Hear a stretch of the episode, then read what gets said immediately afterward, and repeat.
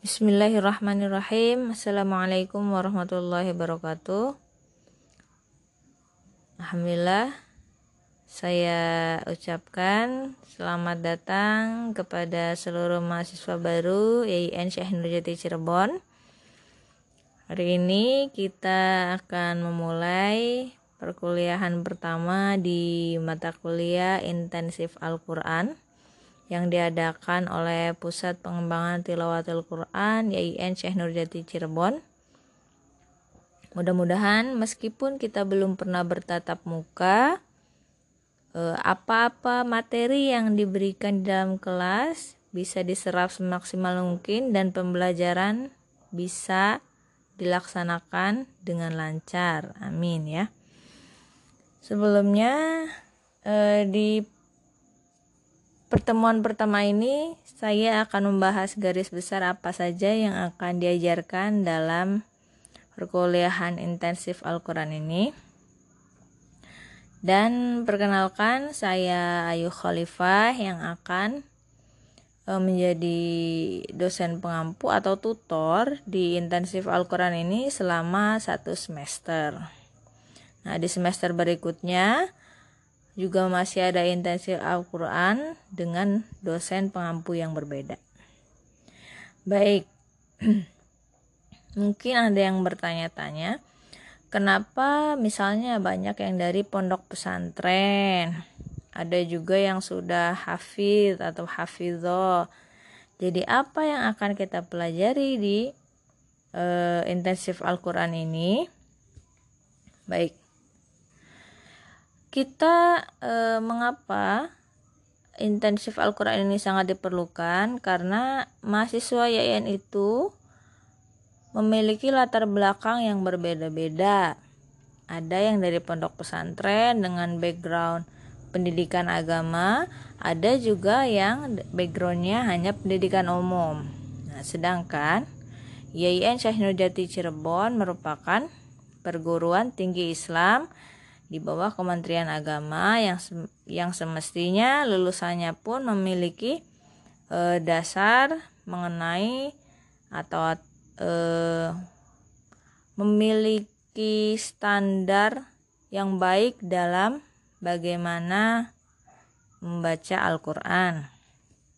Nah, yang menjadi standar di sini kita e, hanya cukup sampai membaca Al-Quran dengan baik dan benar. Tidak sampai kepada tahapan ini standar minimal. Tidak sampai kepada tahapan mujawad. Nah sebelumnya saya akan bahas dulu stepnya. Jadi yang pertama itu kan ada tahaji yaitu tingkatan bacaan yang didasarkan pada kaidah pembacaan huruf yang benar yang meliputi makhraj dan sifatul huruf. Nah, itu tindak tingkatan tahaji sudah harus, sudah harus betul dalam intensif Al-Qur'an ini. Nanti akan dipelajari bersama. Kemudian tingkatan murattal. Nah, standar minimal di intensif Al-Qur'an ini mahasiswa bisa membaca dengan tartil, yaitu menerapkan kaidah ilmu tajwid serta gharib secara baik dan benar dan memenuhi kriteria sihahul adanya.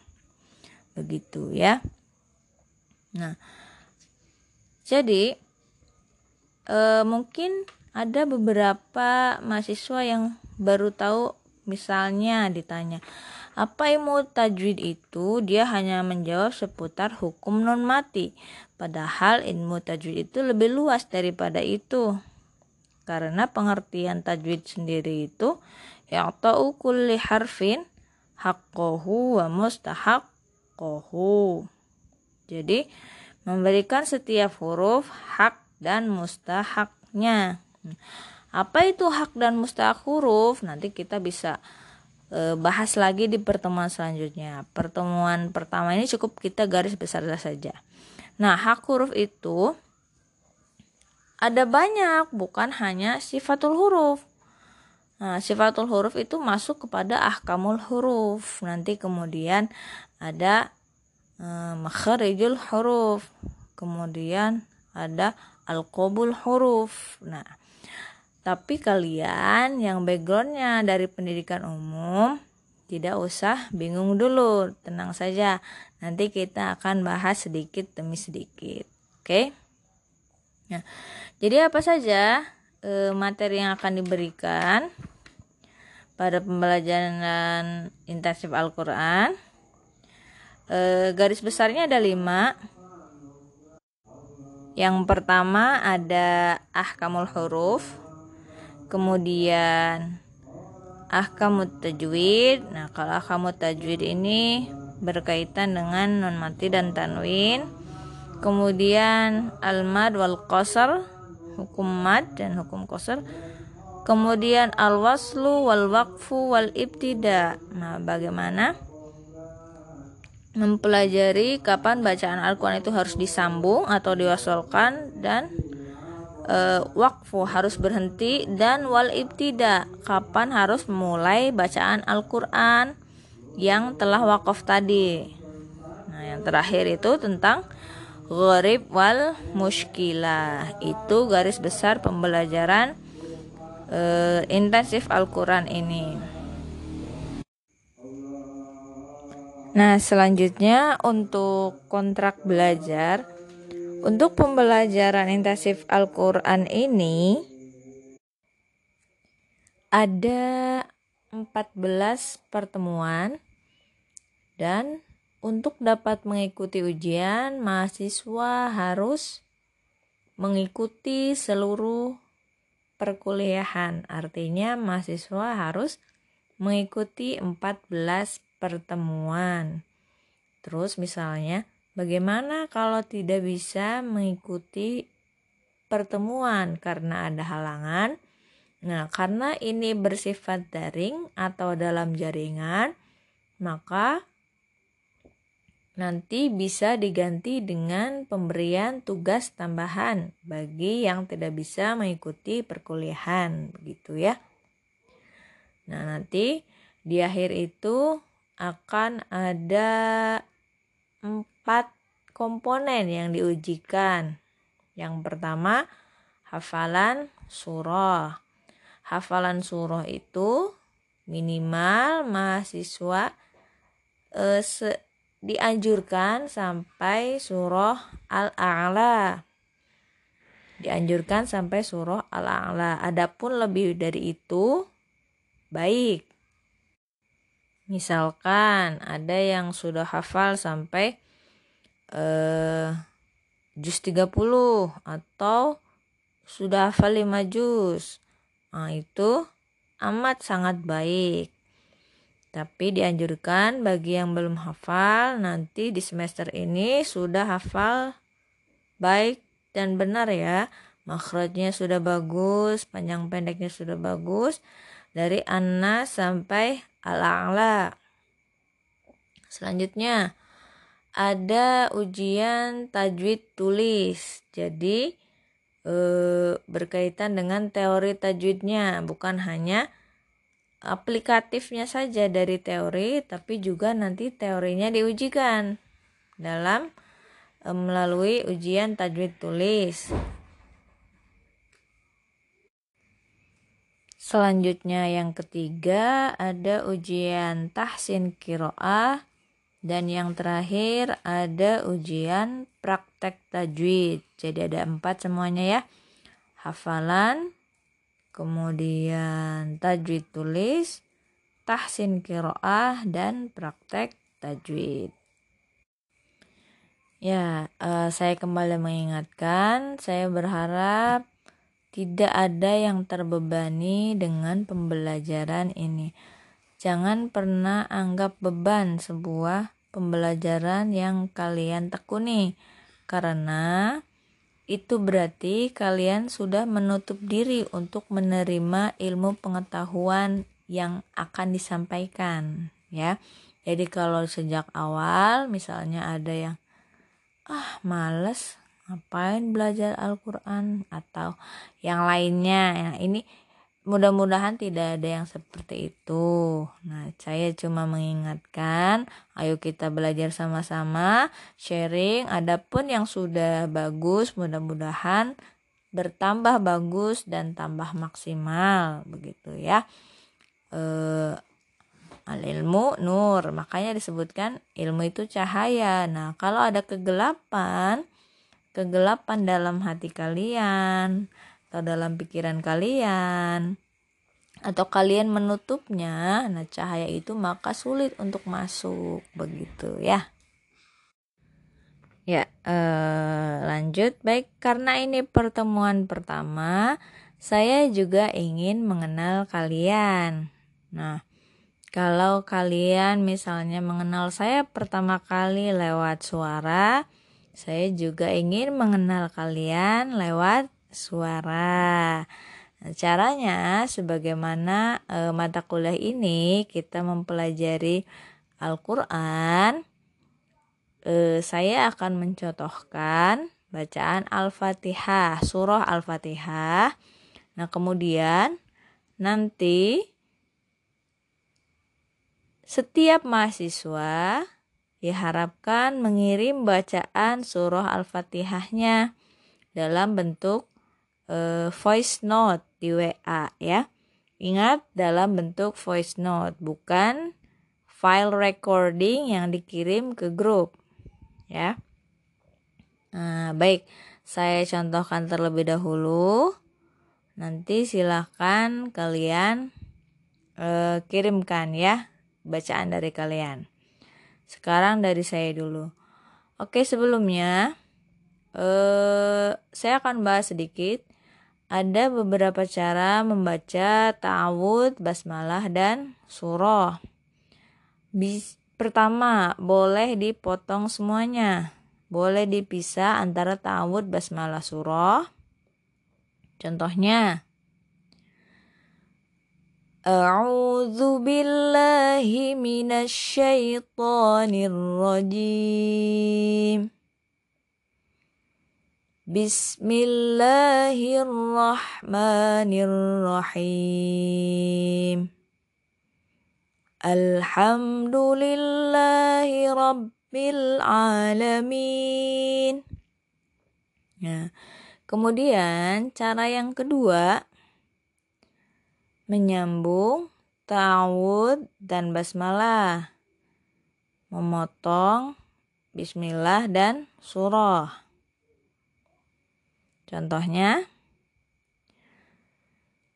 أعوذ بالله من الشيطان الرجيم بسم الله الرحمن الرحيم الحمد لله رب العالمين itu yang kedua kemudian yang ketiga memotong ta'awud dan basmalah menyambung basmalah dan awal surah. Contohnya A'udzu billahi minasy syaithanir rajim. Bismillahirrahmanirrahim. Alhamdulillahi rabbil alamin. Yang terakhir sekarang menyambung seluruhnya, menyambung ta'awud, basmalah, dan surah. Contohnya, أعوذ بالله من الشيطان الرجيم بسم الله الرحمن الرحيم الحمد لله رب العالمين Itu empat cara membaca tawud, basmalah, dan surah. Nah, sekarang saya akan contohkan bacaan surah Al-Fatihah untuk kemudian nanti gantian kalian yang ngirim voice note bacaan surah Al-Fatihah di grup WA PPTK. Oke? Sekarang saya dulu ya. أعوذ بالله من الشيطان الرجيم Bismillahirrahmanirrahim. Alhamdulillahi Rabbil Alamin. Ar-Rahmanir-Rahim. Maliki Yaumiddin Iyyaka na'budu wa iyyaka nasta'in اهدنا الصراط المستقيم. صراط الذين أنعمت عليهم غير المغضوب عليهم ولا الضالين.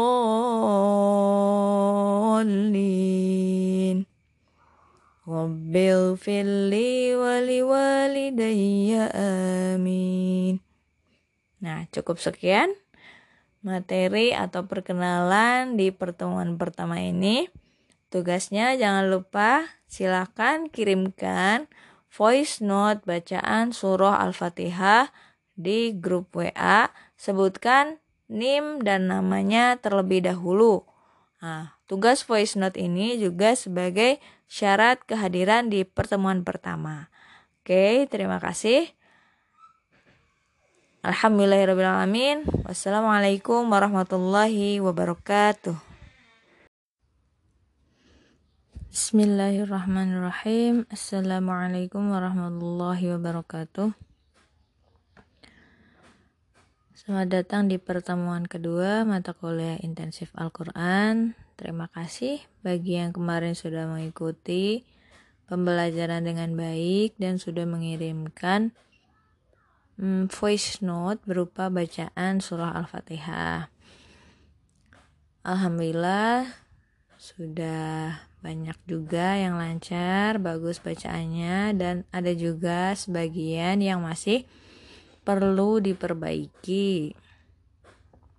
Ya, jadi yang sudah bagus bacaannya e, bisa nanti berbagi pembelajaran dengan temannya yang masih belum begitu lancar nanti e, bisa terus diperbaiki lagi. Jangan merasa e, minder ya karena hadis Rasulullah juga berbunyi alladzi yaqra'ul qur'ana wa huwa mahir. Jadi yang baca Quran dengan baik. Mahirun bihi ma'as safaratil kiramil bararah. Jadi seperti malaikat safaroh yang mulia. Lagi baik masya Allah ya. Nah yang masih belum lancar atau masih terbata-bata waladhi yaqra'ul Qur'an wa yatata'u fi wa huwa alaihi syaqqun lahu ajran yang baca Al-Qur'annya masih terbata-bata, masih sulit, baginya ada dua pahala asalkan mau atau ada niatan untuk terus memperbaiki bacaannya ya. Oke. Di pertemuan kali ini pertama kita akan bahas dulu tentang pengertian ilmu tajwid. Kalau kemarin baru sekilas, sekarang kita bahas lebih mendalam lagi. Yang saya bahas ini sudah ada di hmm, modul yang ada di modul. Cuma hanya ringkasannya saya sampaikan dan saya jelaskan lebih lanjut. Silakan nanti bisa dibuka modul halaman 16. Ini ada pengertian ilmu tajwid disebutkan bahwa tajwid secara bahasa atau secara etimologi berasal dari kata jawada yujawidu tajwidan. Artinya apa? Membaguskan. Membaguskan bacaan. Sedangkan menurut istilah i'ta'u kulli harfin haqqahu wa mustahaqqahu. I'ta'u memberikan kulli harfin setiap huruf haqqahu hu-nya kembali ke huruf hak-haknya wa mustahaqqahu dan mustahaknya. Nah, di sini saya akan jelaskan lebih lanjut nanti apa itu hak dan apa itu mustahak. Nah, jadi hak huruf itu adalah hukum yang melekat pada huruf itu sendiri tanpa ada pengaruh dari luar huruf itu. Jadi, hukum yang melekat pada huruf tanpa ada pengaruh dari luar huruf itu sendiri. Itu maksudnya gimana? Jadi, ketika huruf itu berdiri sendiri pun hukumnya sudah melekat. Nah, apa aja? Nah, hukum atau hak-hak di sini termasuk pada ahkamul huruf. Nah, ahkamul huruf itu nanti juga akan kita pelajari. Nanti bisa dilihat di halaman e, 25. Nah, ini ada macam-macam ahkamul huruf. Nah, jadi ahkamul huruf ini adalah bagi merupakan hak-hak huruf apa aja? Ada asmaul huruf, makharijul huruf, alqabul huruf dan sifatul huruf. Gini ya. Jadi seperti yang saya definisikan tadi, hukum yang melekat pada huruf tanpa ada pengaruh dari luar huruf itu sendiri. Contohnya, misalnya lafaz Bismillahirrahmanirrahim. Ini ba walaupun harokatnya kasroh harokatnya fathah, harokatnya doma. Ketika ditanya ini huruf apa, maka akan tetap disebut huruf ba, tidak berubah jadi huruf bu atau huruf ta misalnya. Asma, asma itu melekat, namanya tetap. Walaupun itu sendiri atau tergabung dengan kalimat lain. Itu satu. Kemudian makhrajnya ba itu makhrajnya dari mana? Nanti kita belajar ya. Ini saya jelaskan dulu sekilas. Dari syafatain atau kedua bibir.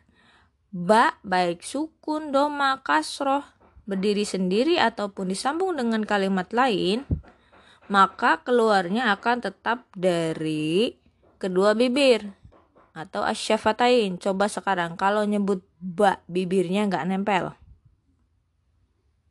Nggak bisa kan? Nah, maka makhraj ini hukumnya melekat pada huruf tanpa ada pengaruh dari luar huruf itu. Alqob juga sifat juga sama. Nah, kemudian apa itu mustahak? Nah, mustahak huruf adalah hukum yang melekat pada huruf karena ada pengaruh dari luar huruf itu sendiri. Nah, kalau yang tadi melekat tanpa pengaruh dari luar huruf itu kalau hak, kalau mustahak karena ada pengaruh dari luar huruf itu. Contohnya Alhamdulillahirabbil alamin. Nah, kenapa dibaca min? Karena ada pengaruh harokat kasroh. Kemudian yang kedua ada pengaruh mad.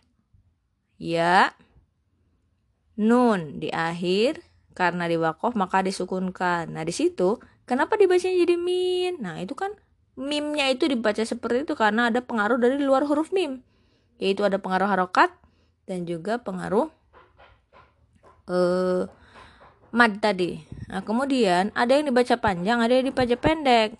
Itu kenapa ya? Itu karena ada pengaruh dari luar huruf itu. Jadi sampai sini ada gambaran ya. Misalnya lagi misalnya contoh ada yang dibaca man amana jelas nunnya ada yang dibaca mangkana loh. Kok beda? Ada nun jelas ada nun dengung. Nah itu dikarenakan ada pengaruh dari luar huruf tersebut. Jadi sampai sini ada gambaran.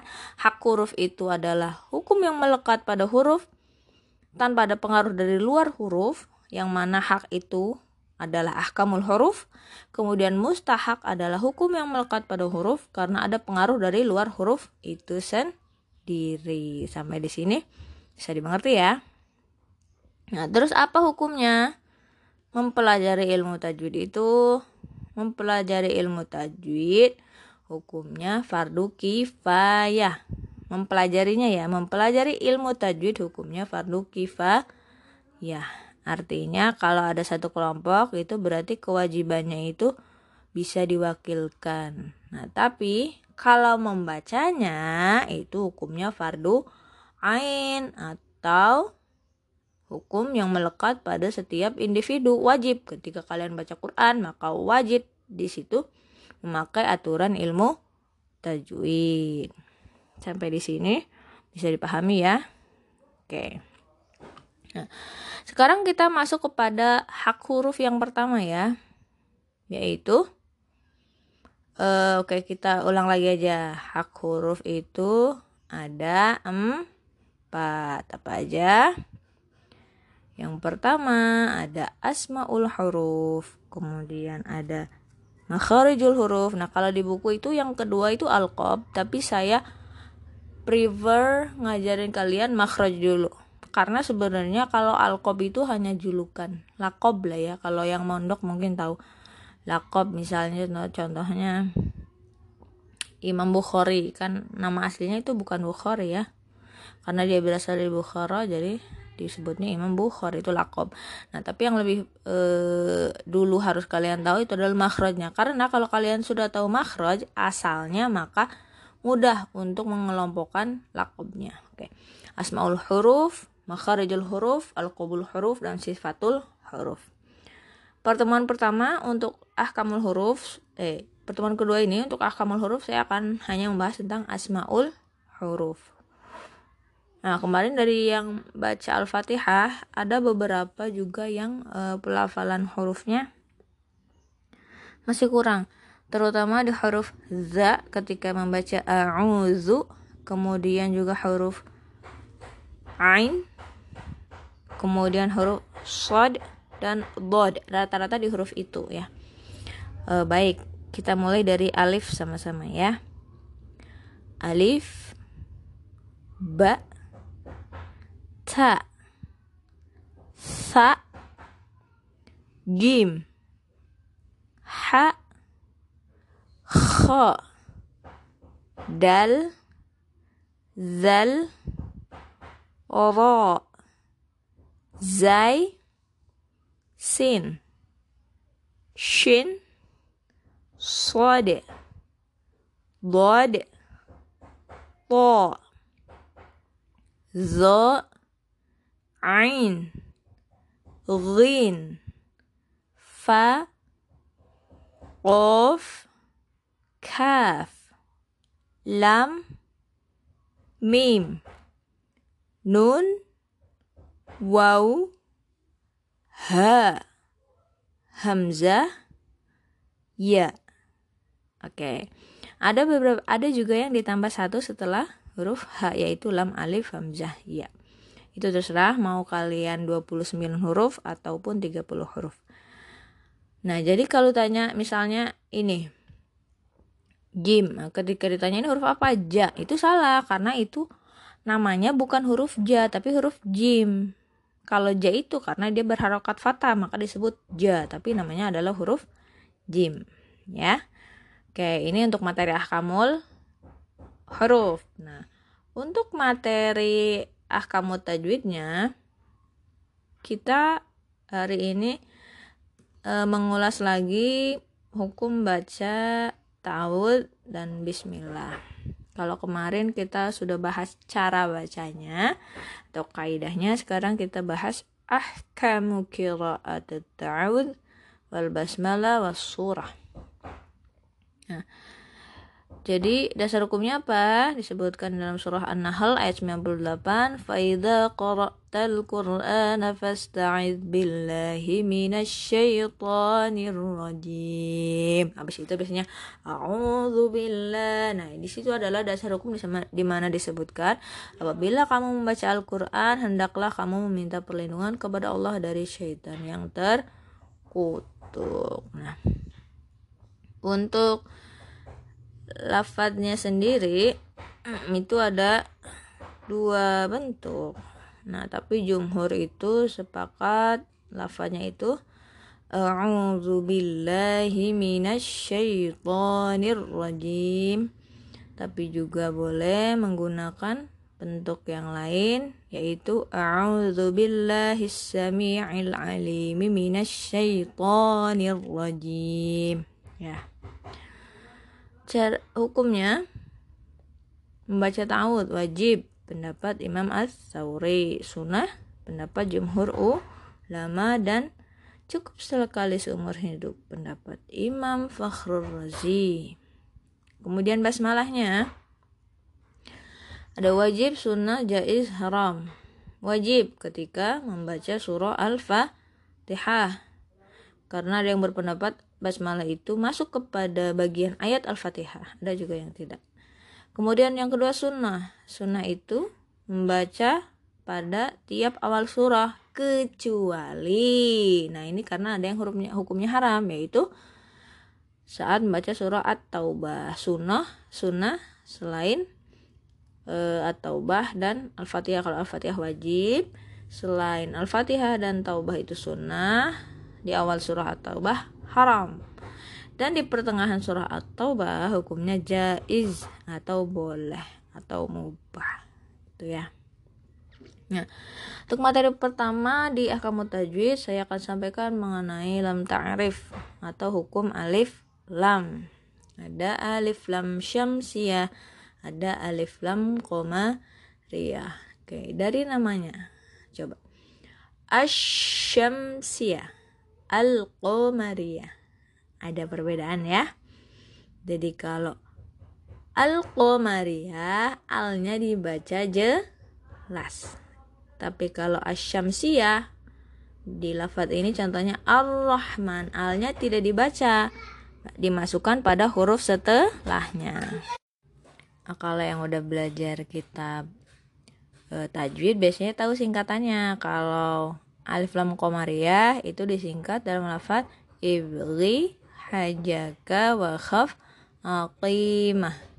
Kalau asyamsiyah disingkat dalam lafaz libasum masil rahman tafuz difdani am da'su adhan nizur syarif falil kiram. Nah, bisa dilihat itu juga ada di buku panduan atau di buku PPTK halaman 49 jadi cara bacanya kalau alif lam komariah itu dibaca izhar atau lamnya jelas. Kalau asyamsiyah dibacanya idgham atau dimasukkan ke huruf setelah shin. Ya. Sampai di sini materi yang saya berikan. Terima kasih bagi yang sudah menyimak. Alhamdulillahirrahmanirrahim. Wassalamualaikum warahmatullahi wabarakatuh. Bismillahirrahmanirrahim. Assalamualaikum warahmatullahi wabarakatuh. Alhamdulillah kita bisa melakukan pembelajaran seperti biasanya. Di pertemuan ketiga ini saya akan menyampaikan materi tentang uh, masih ahkamul huruf di bagian makharijul huruf Sebagaimana yang telah saya sampaikan sebelumnya, bahwa saya lebih cenderung memilih untuk memberikan materi tentang makharijul huruf terlebih dahulu, baru kemudian al-qabul huruf. Ya. Baik, jika kalian lihat di modul PPTK yang telah saya share minggu kemarin, bisa dilihat halaman 30. Nah, di situ ada gambar makharijul huruf gambar tempat-tempat keluarnya huruf.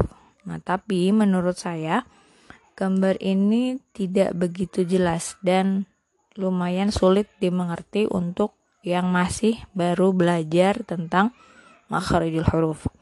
Oleh karena itu, saya berinisiatif untuk membuat um, atau mencari gambar baru yang ilustrasinya itu cukup jelas dan dapat dimengerti. Nah, di sini saya mengambil gambar dari sebuah situs yaitu jomtajwid.com. E, kenapa saya harus membuat sendiri padahal Jom Tajwid sudah ada gambarnya. Jadi di Jom Tajwid itu tidak memberikan penjelasan tentang makharijul huruf ya. Jadi saya buat uh, video ini mudah-mudahan nanti bisa memberikan pengertian atau pemahaman tentang makhrijul huruf. Baik, kita bahas pertama dari istilahnya dulu, makhrijul huruf. Asal katanya dari khoroja. Khoroja berarti keluar. Nah, makhraj berarti tempat ke luar. Kemudian jamak dari makhraj itu makharij. Jadi makharijul huruf artinya adalah tempat-tempat keluarnya huruf. Huruf-huruf hijaiyah. Nah, semuanya itu ada lima bagian. Namun, untuk pertemuan kali ini saya akan berikan empat uh, makharijul huruf kecuali alisan. Kenapa? Karena alisan itu paling banyak hurufnya. Itu ada 15 huruf uh, setengahnya sendiri ya dari semua huruf hijaiyah. Jadi untuk sekarang saya akan memberikan empat makhrajul huruf dulu yaitu asyafatain, al-khayshum, al-jawuf dan al-halq. Baik. Kita mulai dari asyafatain. Asyafatain yaitu berarti dua bibir Nah, dalam makhraj asyafatain terdapat dua tempat atau dua bagian yaitu baina syafatain atau antara kedua bibir. Ini ada wawu, mim, dan ba.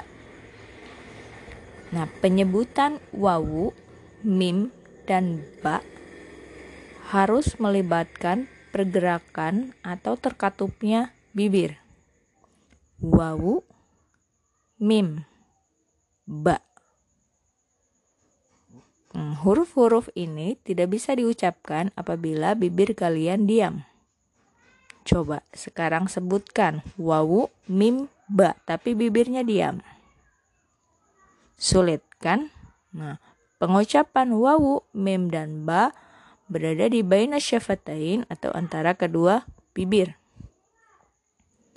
Sedangkan ada satu lagi tempat yaitu bibir bawah dan ujung gigi seri atas.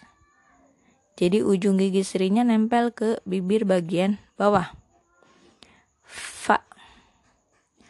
Fa. Nah, bisa dipahami ya. Berarti ada dua bagian. Ada yang baina syafatain antara kedua bibir ini ada wawu mim dan ba. Kemudian ada rabi, ada bibir dan ujung gigi seri. Fa. Fa. Nah, huruf-huruf ini juga bisa disingkat dalam lafaz bafamu. Ini untuk mempermudah ya. Bafamu itu adalah huruf-huruf asyafatain. Ya, baik. Makhraj selanjutnya yaitu al-khayshum. Al-khayshum artinya rongga hidung atau pangkal hidung. Nah, al-khayshum adalah tempat keluarnya gunnah jika dalam uh, ilustrasi ini. Namun jika kalian lihat di modul PPTQ, di situ disebutkan bahwa al-khayshum adalah tempat keluarnya Gunna, ikhfa, sukun. Maksudnya bagaimana? Saya akan membuat e, sesimpel mungkin. Jadi intinya, pangkal hidung ini adalah tempat keluarnya nun dan mim bersukun selain yang berhukum idhar. Sekali lagi. Pangkal hidung, rongga hidung atau al-khayshum adalah tempat keluarnya nun dan mim sukun yang selain berhukum idhar. Nah, yang selain berhukum idhar, nun dan mim sukun itu berarti gunnah, ikhfa, iqlab. Nah, berarti ketika ada nun dan mim sukun, yang bukan hukumnya idhar maka keluarnya dari al-khayshum. Maksudnya seperti apa keluar dari al-khayshum? Ketika kalian membunyikan mim dan nun sukun yang bukan berhukum idhar, maka harus terasa sampai ke pangkal hidung. Harus terasa sampai ke pangkal hidung. Contohnya ketika kalian mengucapkan mengkana kemudian minkum unzuru Nah, ketika mengucapkan itu maka harus terasa sampai ke pangkal hidung. Tadi yang saya contohkan adalah uh, hukum ikhfa. Kemudian, kalau misalnya hukum gunnah. Mayyah di miwara itu harus terasa sampai ke pangkal hidung. Oleh karena itu, saya sarankan ketika mengucap gunnah, ikhfa panjangnya tiga harokat. Walaupun bisa 2 sampai 3 harokat, tapi jarang yang dua harokat itu sudah sempurna pengucapannya atau keluarnya dari pangkal hidung. Gitu. Bisa dipahami untuk yang kedua? Al-khayshum artinya pangkal hidung atau rongga hidung. Huruf yang keluar yaitu nun dan mim bersukun selain yang berhukum idhar dan idgham bila guna. Idgham bila guna juga tidak masuk ya. Selain idhar dan idgham bila guna. Nah, selanjutnya makhraj selanjutnya yaitu al-jauf. Al-jauf artinya rongga mu mulut. Nah, di mulut kita itu kan ada rongga kosong di atas lidah dan di bawah langit-langit itu adalah tempat keluarnya al-jauf. Ada tiga hurufnya yaitu huruf mad. Nah, alif wawu ya di sini yang menjadi makhraj al-jauf itu harus ber um, harokat sukun. Jadi tidak boleh hidup, harus huruf mati kalau apabila nanti hurufnya hidup itu nanti berbeda lagi tempat keluarnya. Jadi yang dimaksud al jauh di sini yang keluar dari rongga mulut adalah ketika bau alif dan ya ini berharokat sukun atau dalam keadaan mad, dalam keadaan panjang. Jadi ketika mengucapkan maka ada aliran udara di rongga mulut. Ma bi bu nah di situ ada kaitannya dengan rongga mulut atau aljauf ketika mengucapkan mad di mana ada wawu alif dan ya berharokat sukun baik makhraj terakhir yang akan dibahas yaitu al-halq al-halq artinya Ya, kerongkongan kalau di sini boleh disebut tenggorokan. Al-Haq ini terbagi tiga tempat. Ada pangkal tenggorokan, tengah tenggorokan, dan ujung tenggorokan. Pangkal tenggorokan disebut dengan aqsal halqi. Sekali lagi, pangkal tenggorokan disebut dengan aqsal halqi. Tengah tenggorokan disebut dengan wastul halqi. Wastul halqi.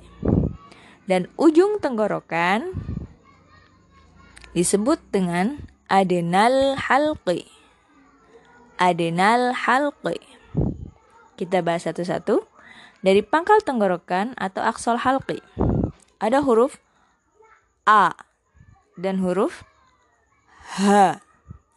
Ketika menyebutkan dua huruf ini, A ini berarti Hamzah ya. Hamzah dan H ini suaranya itu berada di pangkal. Jadi harus membuka mulut ketika menyebutkan Hamzah dan H. A, H supaya makhrajnya sempurna. Kemudian tengah tenggorokan ada huruf H ha dan huruf ain. Ain. Nah, ketika menyebutkan ha dan ain ada tekanan pada tengah tenggorokan. Ya, kemudian di ujung tenggorokan atau adenal halqi ada huruf kha. Kha. Dan huruf ghin. Ghin. Ya. Dari sini untuk mempermudah maka bisa dilihat huruf di ujung tenggorokan itu dua-duanya bertitik dan tengah tenggorokan tidak bertitik. Ya. Paham sampai di sini ya? Al-haq terbagi tiga. Pangkal tenggorokan aksol halqi. Tengah tenggorokan wastul halqi. Ujung tenggorokan adenal halqi. Nah, itu pemaparan tentang makharijul huruf. Sekarang kita coba masuk ke contoh bacaan ahkamut tajwid yang sudah kita pelajari minggu lalu. Minggu lalu kita sudah belajar tentang hukum alif lam. Kemudian di halaman 50 kalian bisa lihat contoh bacaan atau latihan satu.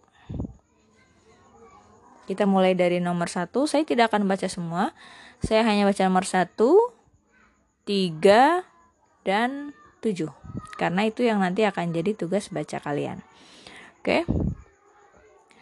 uh, silakan bagi yang ada modulnya juga bisa dilihat di modul masing-masing. Kita mulai dari nomor 1, kemudian nomor 3 dan nomor 7.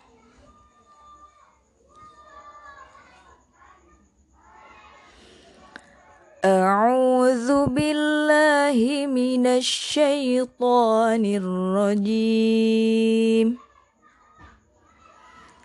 Bismillahirrahmanirrahim.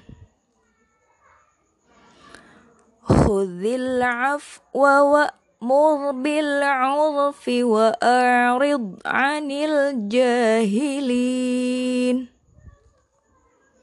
Nomor tiga. Wa in kun كنتم على سفر ولم تجدوا كاتبا فرهان مقبوضة فإن أمن بعضكم فإن أمن بعضكم بعضا فليؤد الذي اؤتمن أمانته وليتق الله ربه ولا تكتموا الشهادة ومن يكتمها فإنه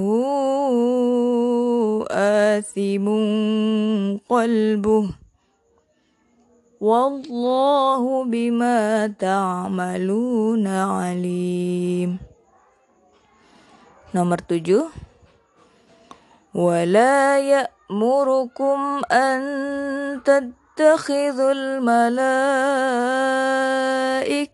والنبيين أربابا أيأمركم بالكفر بعد إذ أنتم مسلمون Sekian untuk pertemuan kali ini. Terima kasih. Assalamualaikum warahmatullahi wabarakatuh. Bismillahirrahmanirrahim. Assalamualaikum warahmatullahi wabarakatuh. Kita lanjutkan pembahasan kita mengenai makharijul huruf di season kedua. Kita akan bahas mengenai makhraj al-lisan. Ya, khusus untuk uh, kali ini akan saya sampaikan untuk ahkamul hurufnya makhraj alisan, kemudian ahkamut tajwidnya yaitu hukum lam jalalah.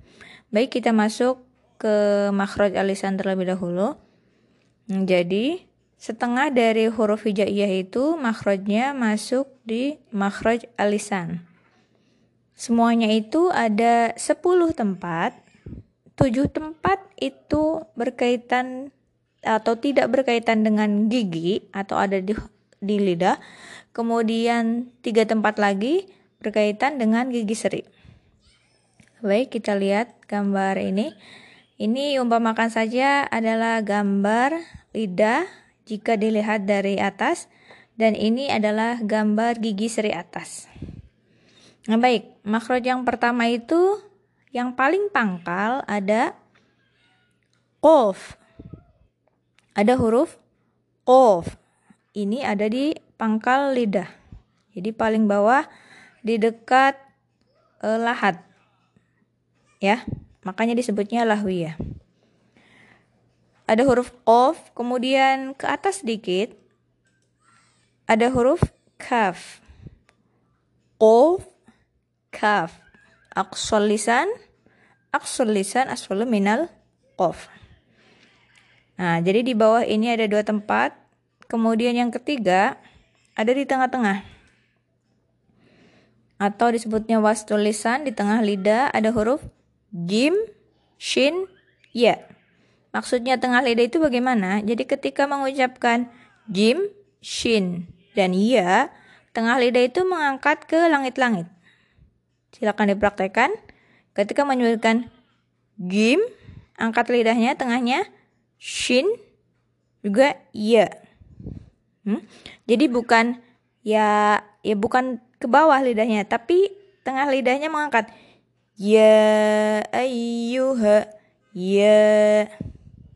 Jim juga sama. Ketika tengah lidah mengangkat, nanti sifatnya sempurna, jahar, bukan hamas. Jadi kalau tidak mengangkat, nanti jadinya ada uh, hamas. Ada desisan. Jim. A'udzu billahi minasyaitonir rajim. Jim, tengah lidahnya mengangkat. Shin juga. Uh, sudah tiga, pangkal dua, tengah satu, tiga. Nah, kemudian kita ke ujung.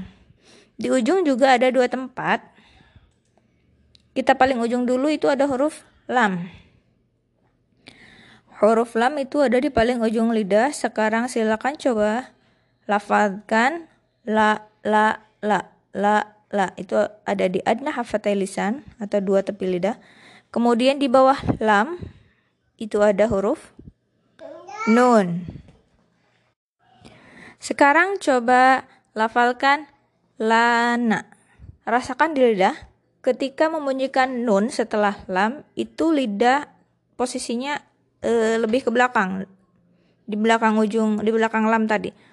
Lana lana. Dibalik nala nala. Ya jadi paling ujung ada lam. Kemudian di belakang lam itu ada nun. Ini sudah lima. E, pangkal dua tengah satu ujung dua. Nah kemudian ada yang keenam ini ada makhraj huruf ra. Ra ini maksudnya adalah e, ra ini makhrajnya ada di punggung lidah atau hamparan lidah. Di atas pangkal yaitu di atas di atas kaf dan e, sebelum nun. Jadi di punggung lidah sini ketika mengucapkan ra.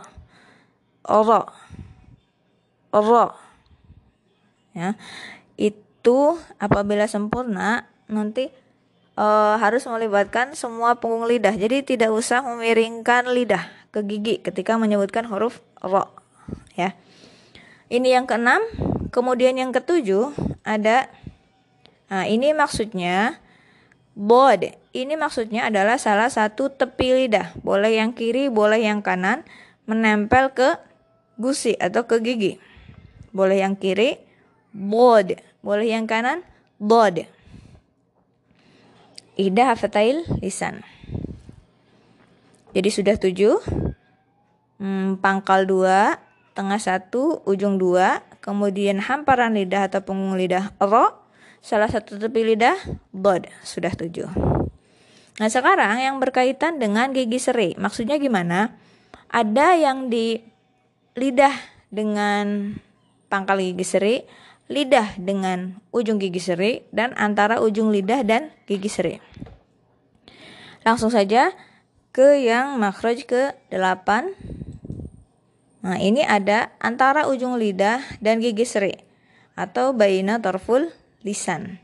Kalau antara berarti ada jarak antara lidah dan gigi seri. Berarti lidah ujung lidah tidak menempel dengan gigi seri. Hurufnya ada zai. Zai sin sod. Zai sin sod.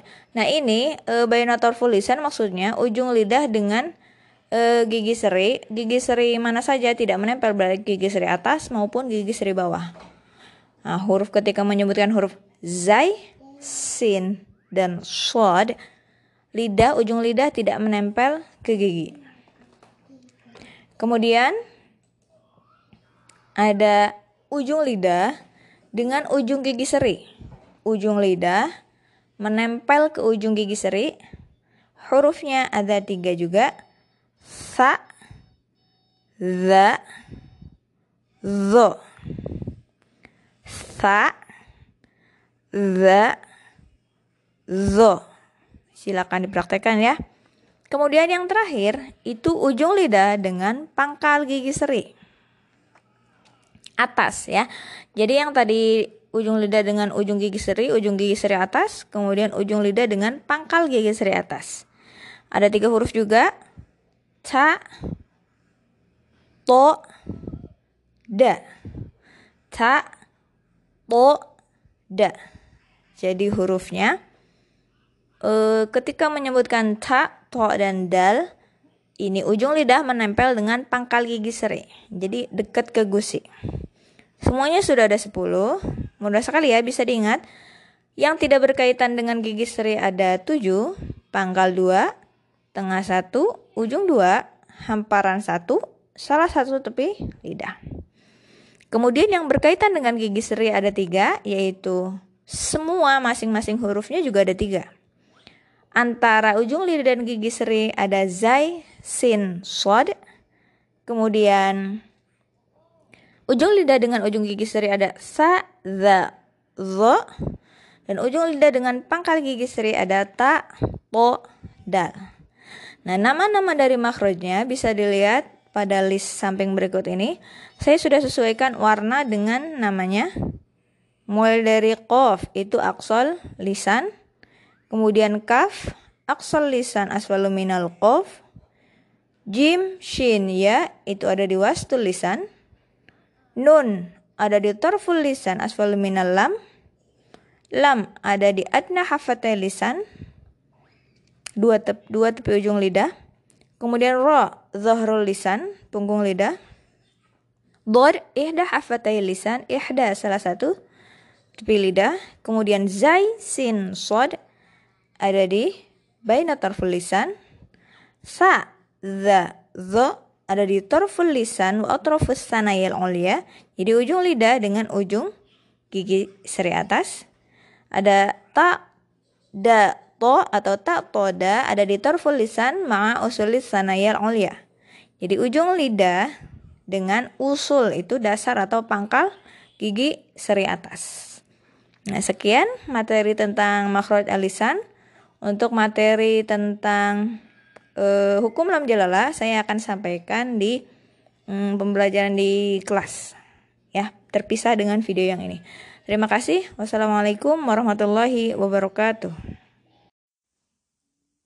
Bismillahirrahmanirrahim. Assalamualaikum warahmatullahi wabarakatuh.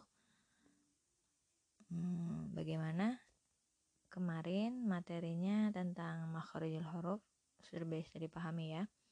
Nah, sekarang kita lanjut ke materi selanjutnya. Kalau minggu lalu kita membahas tentang ahkamul huruf yaitu makharijul huruf. Sekarang kita bahas tentang ahkamul tajwid yaitu lanjutan setelah hukum alif lam ada hukum lam jalalah atau ahkam lam jalalah. Kalau di buku modul PPTQ bisa dilihat di halaman 51. Di situ ada penjelasan tentang hukum lam jalalah. Nah, mungkin selama ini ada yang mengistilahkan hukum lam jalalah itu sama dengan hukum ro. Jadi kan lam jalalah itu cara bacanya atau lam jalalah itu lam di lafad Allah tidak sama bacanya dengan lam di lafat-lafat yang lain. Ada dua cara bacanya, yaitu dibaca tebal dan dibaca tipis. Mungkin selama ini e, ada yang menggunakan istilah tafhim dan tarqiq seperti pada hukum ro. Nah, di sini di PPTQ kita menggunakan istilah taglil dan juga takhfif. Rujukannya dari mana? Nah, itu bisa dilihat di footnote-nya kita menggunakan buku Tajwidul Quranul Karim Al-Qaulus Sadis sama Syekh Muhammad Maki Nihayatul Qaulil Mufid. Itu rujukannya. Nah hmm, istilah ini bisa juga untuk membedakan antara hukum yang melekat pada lafaz lam pada lam jalala dan juga pada ro. Jadi tagli takhfif mungkin kalau yang dari madrasah ketika belajar fikih pernah dengar mughaladzah atau pernah dengar mukhaffafah. Nah, asal katanya sama dengan itu, taglid asal katanya dari ghaladzah, takhfif asal katanya dari khafafa. Khafafa ringan, taglid tebal. Nah, itu secara bahasa. Jadi e, lam jalalah atau lam di lafaz Allah harus dibaca taglid atau tebal apabila lafaz Allah didahului harokat fathah atau domah. Jadi sebelum lafaz Allah itu sebel, ada harokat fathah atau domah. Dan kemudian secara istilah arti taglid itu An-nutqu bil harfi mumtali al-fammi bisodahu. Jadi mengucapkan huruf dengan tebal sampai memenuhi mulut ketika mengucapkannya. Jadi uh, ada udara seperti menekan memenuhi mulut ketika mengucapkannya. Contohnya misalnya Qul huwallah huwallah. Jadi ada tekanan tebal di dalam. Jadi bukan hanya qul huwallah, qul huwallah, tapi tebal. Qul huwallah. Uh, penuh dengan udara mulutnya. Nah, kemudian ada takhfif artinya ringan. Nah, kapan dibaca ringan? Apabila lafaz Allah didahului oleh harokat kasrah. Secara istilah, tahfif adalah anutku bil harfi takhfifan ghair mumtali'il fammi bisodahu mengucapkan huruf dengan ringan tipis sehingga tidak sampai memenuhi mulut ketika mengucapkannya Contohnya bismillah. Kan itu tipis ya. Bismillah. Alhamdulillah. Itu tipis. Jadi kapan dibaca taglid? Apabila sebelumnya harokat fathah atau domah. Dibaca takhfif atau ringan apabila sebelumnya harokat kasroh. Nah di situ sebelumnya saya sudah memberikan e, contoh bacaan-bacaan taglid dan takhfif. Saya akan contohkan nanti bisa dibaca oleh masing-masing. Saya sudah berikan di grup WhatsApp. Di latihan buku Daros Mahad. Nah, saya berikan contoh. A'udzu billahi rajim Bismillahirrahmanirrahim Faddalallahu mujahidin Nah ini Faddalallah Lafat Allah sebelumnya harokat Fathah. Jadi dibaca taglid Nah kita ke sampingnya Yang takhfif. La quwwata illa billahil aliyil azim Tilka hududullah قل الله أسرع مكرا. قل هو الله أحد. وكفى بالله شهيدا. أفأمنوا مكر الله؟ فلله الآخرة والأولى والله بما تعملون عليم والأمر يومئذ لله فاتقوا الله وأطيعون وقوموا لله قانتين itu tadi contoh bacaannya Terima kasih untuk pembelajaran hari ini. Silakan nanti kirim voice note contoh bacaan yang tadi saya contohkan. Terima kasih. Wassalamualaikum warahmatullahi wabarakatuh.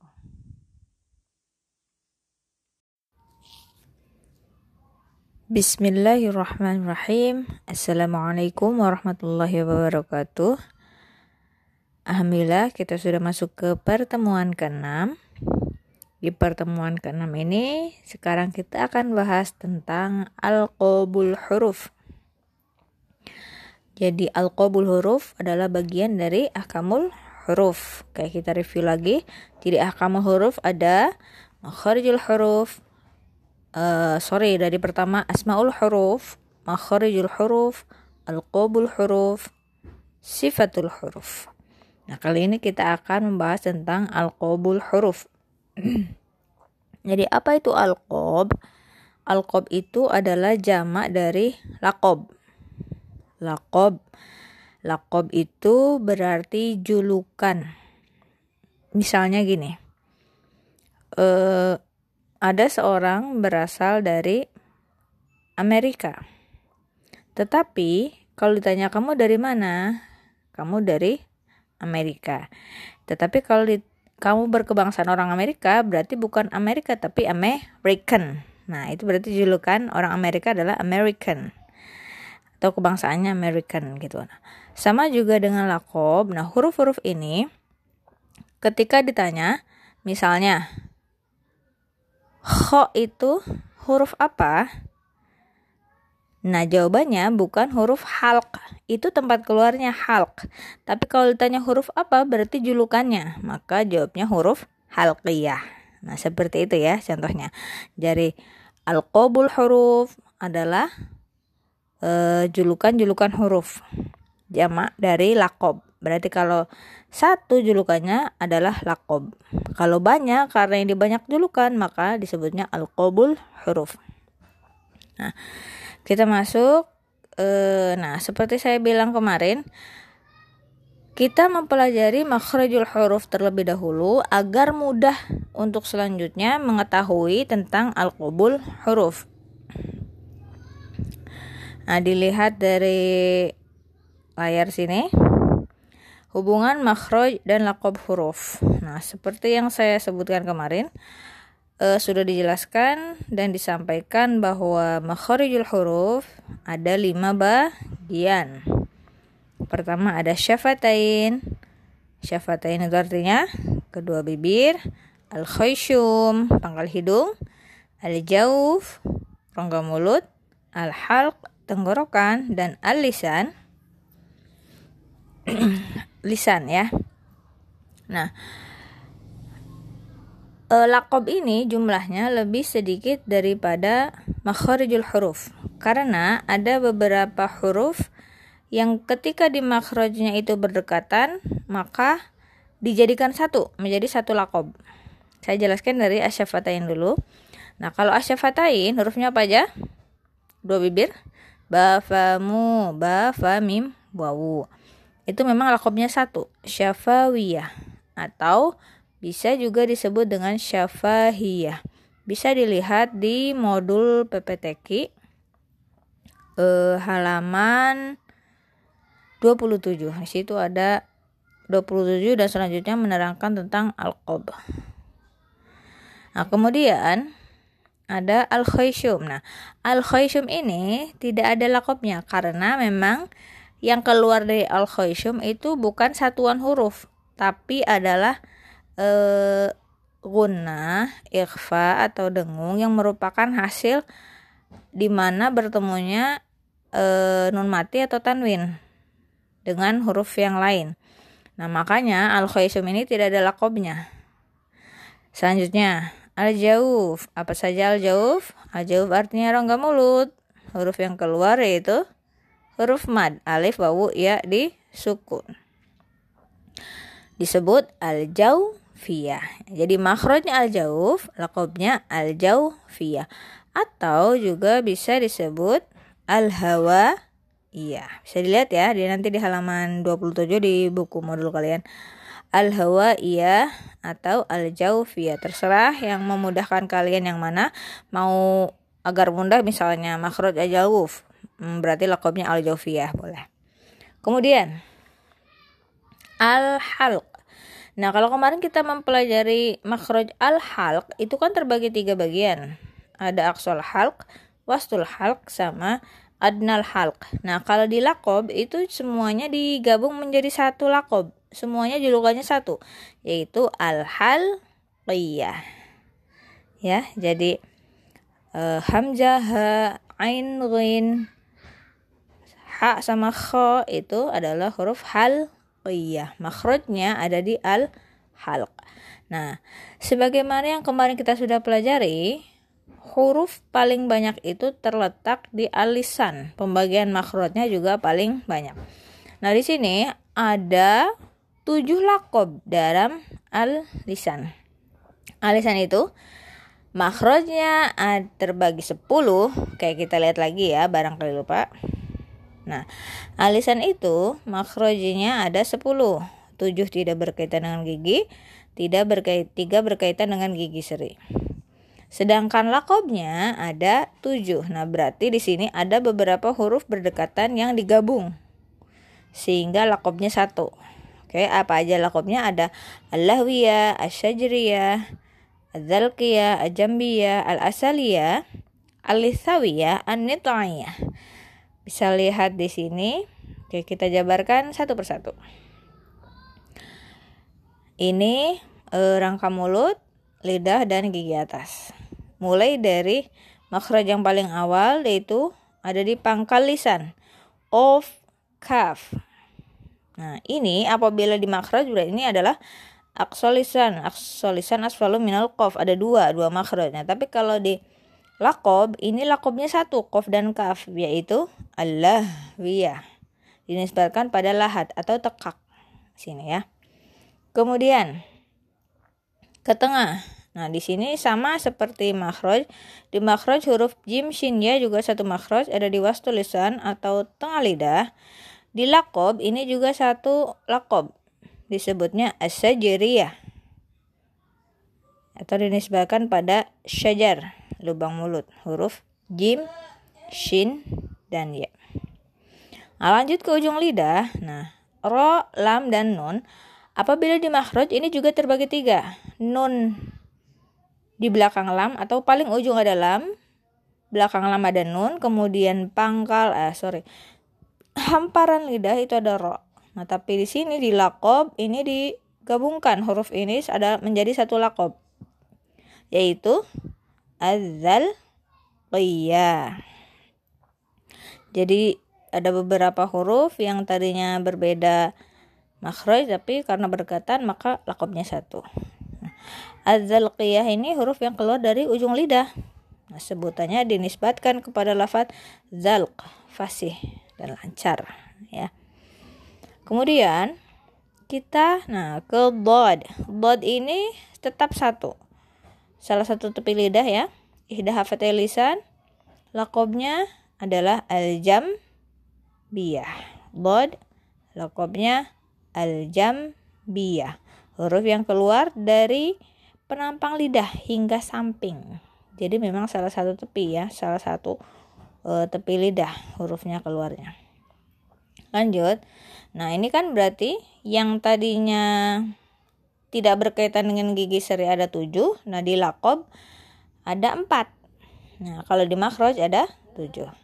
Kemudian yang berkaitan dengan gigi seri ada 3. Nah, ini tetap sama formasinya tidak berubah. Jadi kalau antara ujung lidah dan gigi seri baina terfulisan di sininya disebutnya lakopnya al asaliyah. Kemudian apabila ujung lidah dan ujung gigi seri sadaldo lisa bia. Jadi ujung lidah nempel dengan ujung gigi seri ya. Dan yang dengan pangkal gigi seri toda makhraja an-nidhaiyah. Gitu ya. Jadi kalau kemarin yang sudah bisa memahami materi dengan materi tentang makharijul huruf, insya Allah lebih mudah memahami tentang al-qabul huruf. Sekian pemberian materi tentang al-qabul huruf, mudah-mudahan dapat dipahami. Terima kasih. Alhamdulillah. Wassalamualaikum warahmatullahi wabarakatuh. Bismillahirrahmanirrahim. Assalamualaikum warahmatullahi wabarakatuh. Di pertemuan ke-8 ini kita akan membahas tentang e, bagian selanjutnya dari ahkamu tajwid setelah kita mempelajari ahkamu alif lam dan ahkamu lam jalalah. Sekarang kita akan mempelajari tentang ahkam nun sakinah wa tanwin. Jadi hukum nun sukun dan tanwin. Bila di buku modul PPTQ, kalian bisa lihat di halaman 52. Nah, di situ ada pembagian hukum nun sukun dan tanwin. Nah, secara garis besar itu terbagi empat. Nah, tapi yang tiga yaitu idhar, idgham dan ikhfa nanti terbagi lagi ada bagiannya. Ya, jadi secara garis besar hukum non sukun dan tanwin terbagi empat. Yang pertama ada idhar, kemudian idgham, iklab, dan ikhfa. Oke, kita ke bagian pertama yaitu idhar. Apa itu idhar? Idhar itu artinya atau secara bahasa itu albayan, artinya jelas. Jadi ketika ada hukum idhar maka nun sukun dan tanwinnya harus dibaca jelas. Nah, hurufnya apa saja?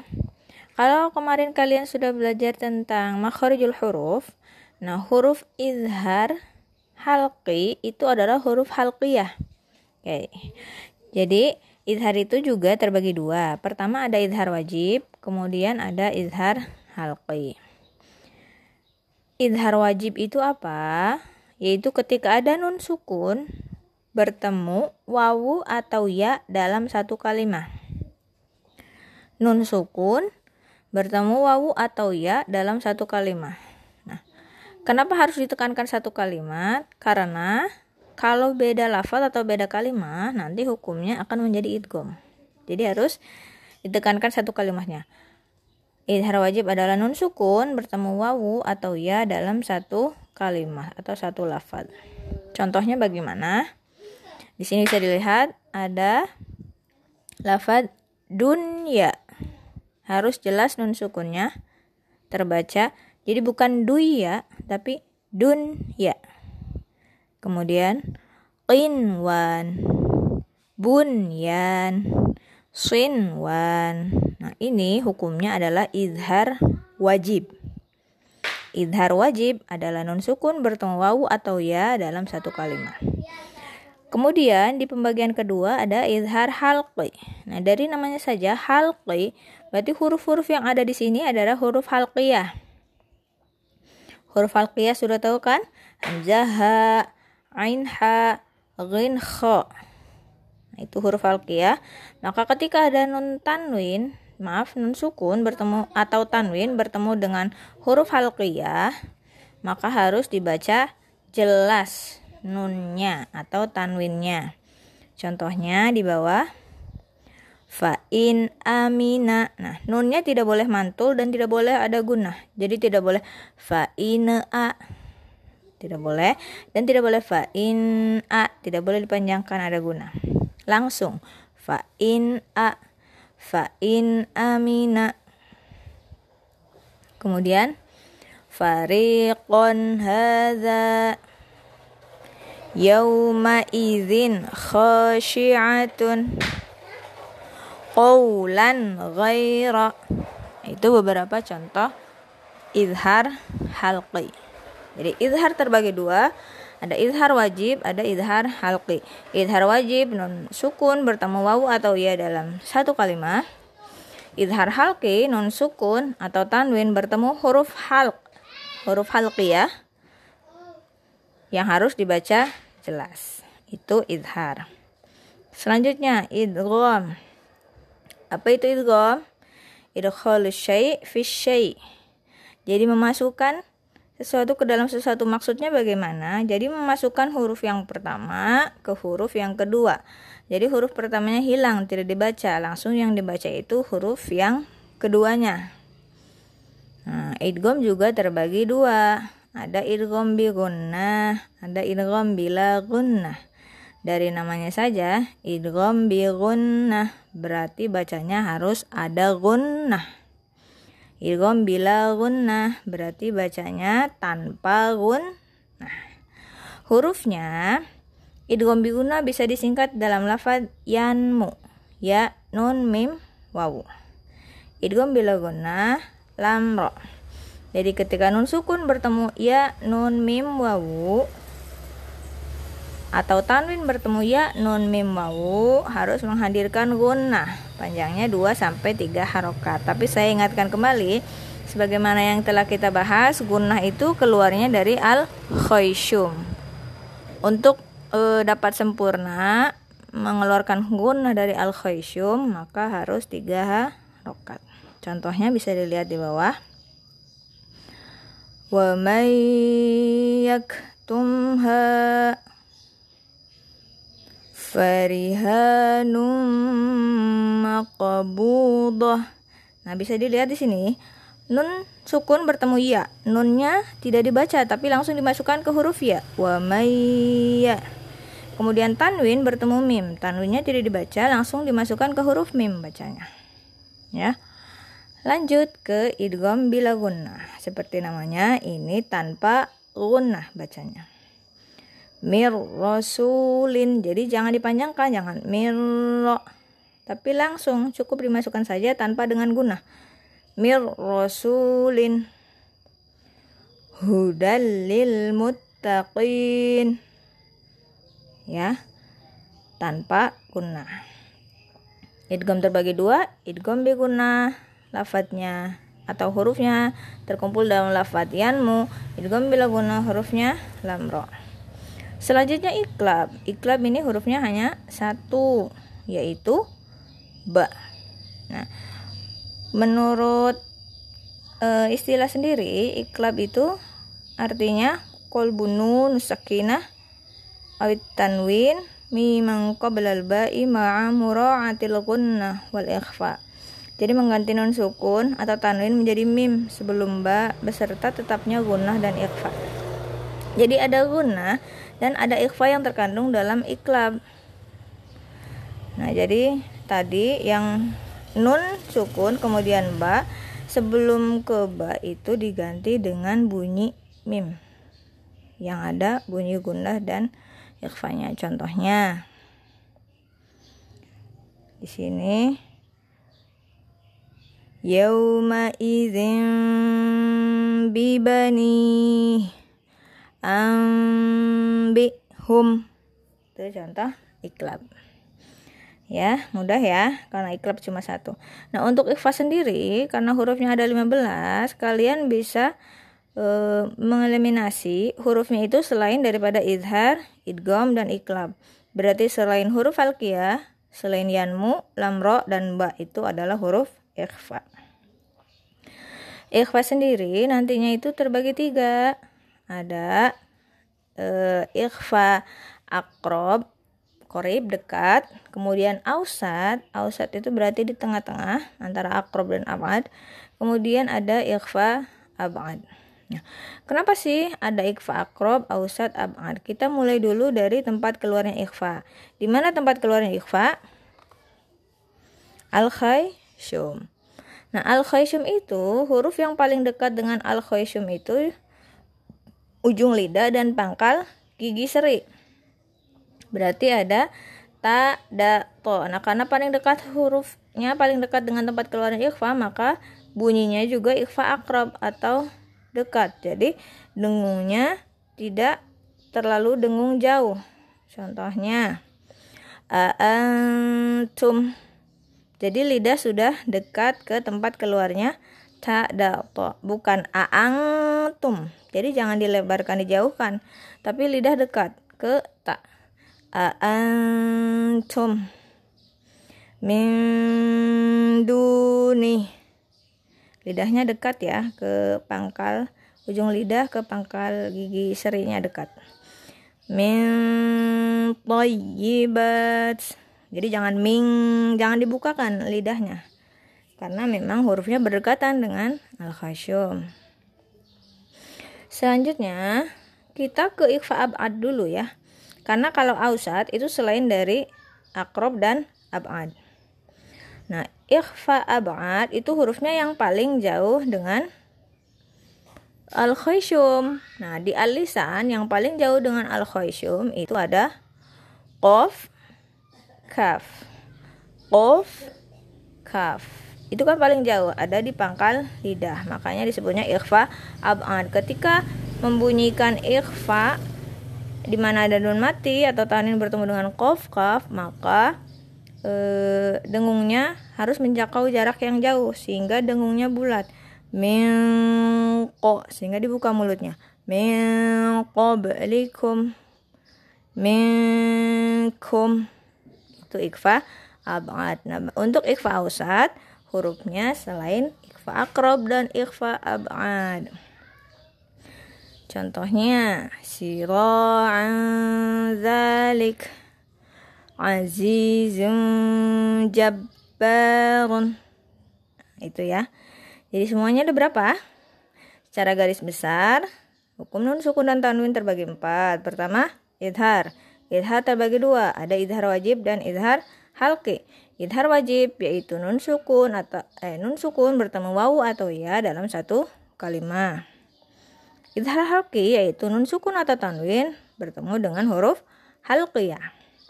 Idgom Idgom terbagi dua, ada idgom biguna, idgom bila guna. Idgom biguna hurufnya terkumpul dalam lafaz yanmu. Idgom bila guna lamro. Kemudian iklab hurufnya hasilnya satu yaitu ba. Huruf ikhfa selain huruf idhar, idgom, dan iklab. Kalau dulu saya waktu mondok biasanya disingkat dalam nadoman. Sif dasana kam jada syakhsun qad sama dum tayyiba zid fitu qada lima. Mungkin ada yang tahu juga ya. Nah itu. Untuk ikhfa juga terbagi tiga. Ada ikhfa akrob yaitu hurufnya yang paling dekat dengan al khayshum ada tertulisan ma'usul sana sana yang mulia. Ta da to kemudian ikfa ausat. Selain huruf ikfa akrob dan ikfa abad. Ikfa abad adalah kof dan kaf. Oke. Sekarang kita masuk ke contoh. Sekaligus kita menjabarkan hukumnya. Nah karena kita sudah belajar tentang hukum alif lam kemudian lam jalalah dan nun sakinah berarti tiga hukum itu yang akan kita jabarkan nanti untuk tugas ya. Kita contoh pertama dulu. A'udzu billahi minasyaitonir rajim. Bismillahirrahmanirrahim شهد الله أنه لا إله إلا هو والملائكة وأولو العلم وأولو العلم قائما بالقسط. لا إله إلا هو العزيز الحكيم Penjabarannya Syahidallah Allah Lam jalalah Taglid Karena Lafat Allah sebelum harokat fathah Wal malaika Alif lam Komariah Kemudian wa ulul ilmi, lul ilmi alif lam komaria. Ko imam bi ini tuh tanwin bertemu ba. Jadi hukumnya iklab. Kemudian huwal azi wal azi alif lam komaria. Al hakim al ha alif lam komaria. Oke. Okay. Satu lagi ya. وما محمد إلا رسول قد خلت من قبله الرسل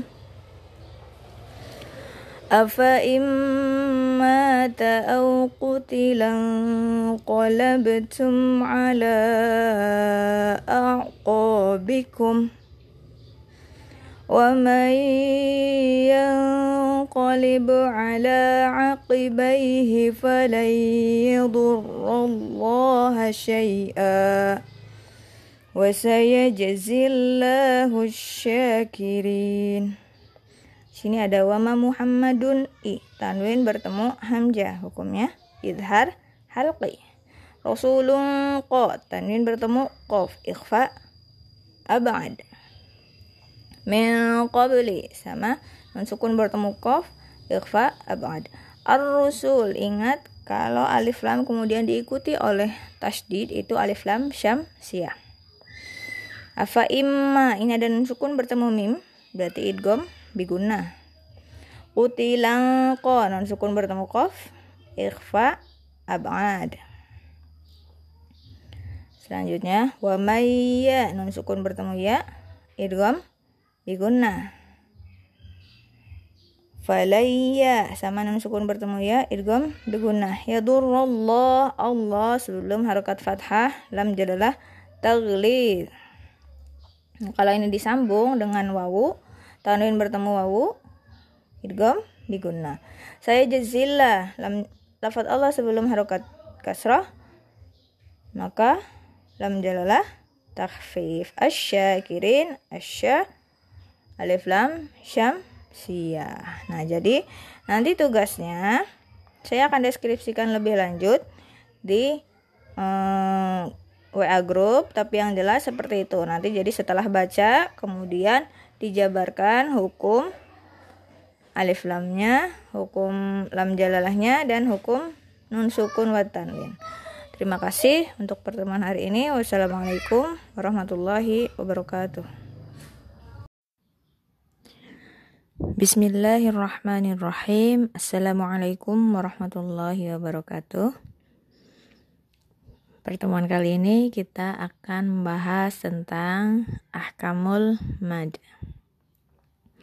Ya, jadi insya Allah saya akan terangkan semua beserta contohnya hukum-hukum mad yang semuanya ada 17.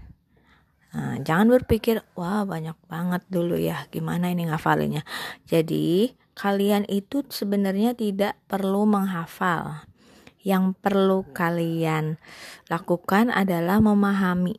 Nah, kalau kalian sudah paham polanya, mad itu, mad ini seperti apa, tanpa menghafal pun, nanti kalian sudah tahu apa itu hukum mad yang melekat, begitu ya. Oke, jadi semuanya ahkamul mad, mad itu semuanya ada 17 jika dirangkaikan. Eh, Kita pertama akan mulai dengan mad tabi'i. Jadi saya sengaja pasang-pasangkan e, mad yang e, mirip atau ada koneksi. Intinya supaya memudahkan. Oke, kita mulai dari mad tabi'i dan mad badal. Nah, kadang ada yang tertukar. Jadi apa bedanya mad tabi'i dengan mad badal? Oke, kita mulai dari pengertian mad tabi'i dulu. Mad tabi'i juga sering disebut dengan mad asli. Jadi Kapan e, ada hukum tabi'i yaitu apabila fathah diikuti alif. Contohnya ini ma mim harokatnya fathah kemudian ada alif. Kemudian kasroh diikuti ya sukun. Mi ya sukun sebelumnya kasroh. Domah diikuti wawu sukun. Nah, wawu sukun sebelumnya domah. Dan harokat berdiri. Nah, panjangnya berapa? Satu alif. Satu alif itu ada dua ketukan. Dua ketukan itu seperti apa contohnya? Ma, mi, mu. Nanti tergantung cepat atau lambatnya berarti ketukannya mengikuti ritmenya ya. Nah, hurufnya ada tiga, berarti apa aja tadi? Alif, wawu, dan ya. Jadi contohnya ma, mi, mu, za, di, du. Dan ciri yang keempat ada lagi yaitu harokat berdiri. Ini contohnya fahada. Nada di sini adalah mato bi'ain. Oke, kita lihat contoh di samping. Nah, ini ada contoh dari e, bacaan yang bukan mad, kemudian sampingnya adalah yang ada matobi'i. Salah. Nah, lamnya harokat fathah, kemudian ada alif, lam alif, jadi ini mato bi'i. Zoluma. Sukun sebelumnya doma. Lu dua harokat salama zoluma rohima. Ya dua harokat. Nah kemudian selanjutnya mad badal. Nah sedangkan apa itu mad badal? Jadi kalau mad badal itu huruf mad yang tadi alif wawu ya sukun tadi didahului dengan hamzah. Jadi intinya alif ya sukun atau sukun itu sebelumnya hamzah. Contohnya seperti apa? Ini contohnya. Ya, panjangnya juga sama dua harokat. Jadi pan, e, dibacanya dua ketukan. Contohnya imanan imanan utu amanu dua harokat. Oke, di sini tahu perbedaannya ya. Jadi kalau mad bada sebelum huruf matnya itu hamzah. Sedangkan kalau matobi'i bukan hamzah selain itu. Oke, paham? Lanjut kita ke mad iwad dan mad arid li sukun. Nah, kenapa saya memasangkan mad iwad dan mad arid li sukun? Ini adalah mad yang ada di akhir kalimat atau mad yang muncul ketika bacaan diwakofkan atau berhenti. Nah, kita mulai dari mad iwad. Mad iwad itu apa? Jadi fathah tain ini fathatain sebelum alif yang diwakafkan. Jadi setelah fathatain itu ada alif. Contohnya seperti ini. Nah, ini kan fathatain. Kemudian setelahnya alif. Nah, bacaan ini kemudian diwakafkan. Bacanya seperti apa?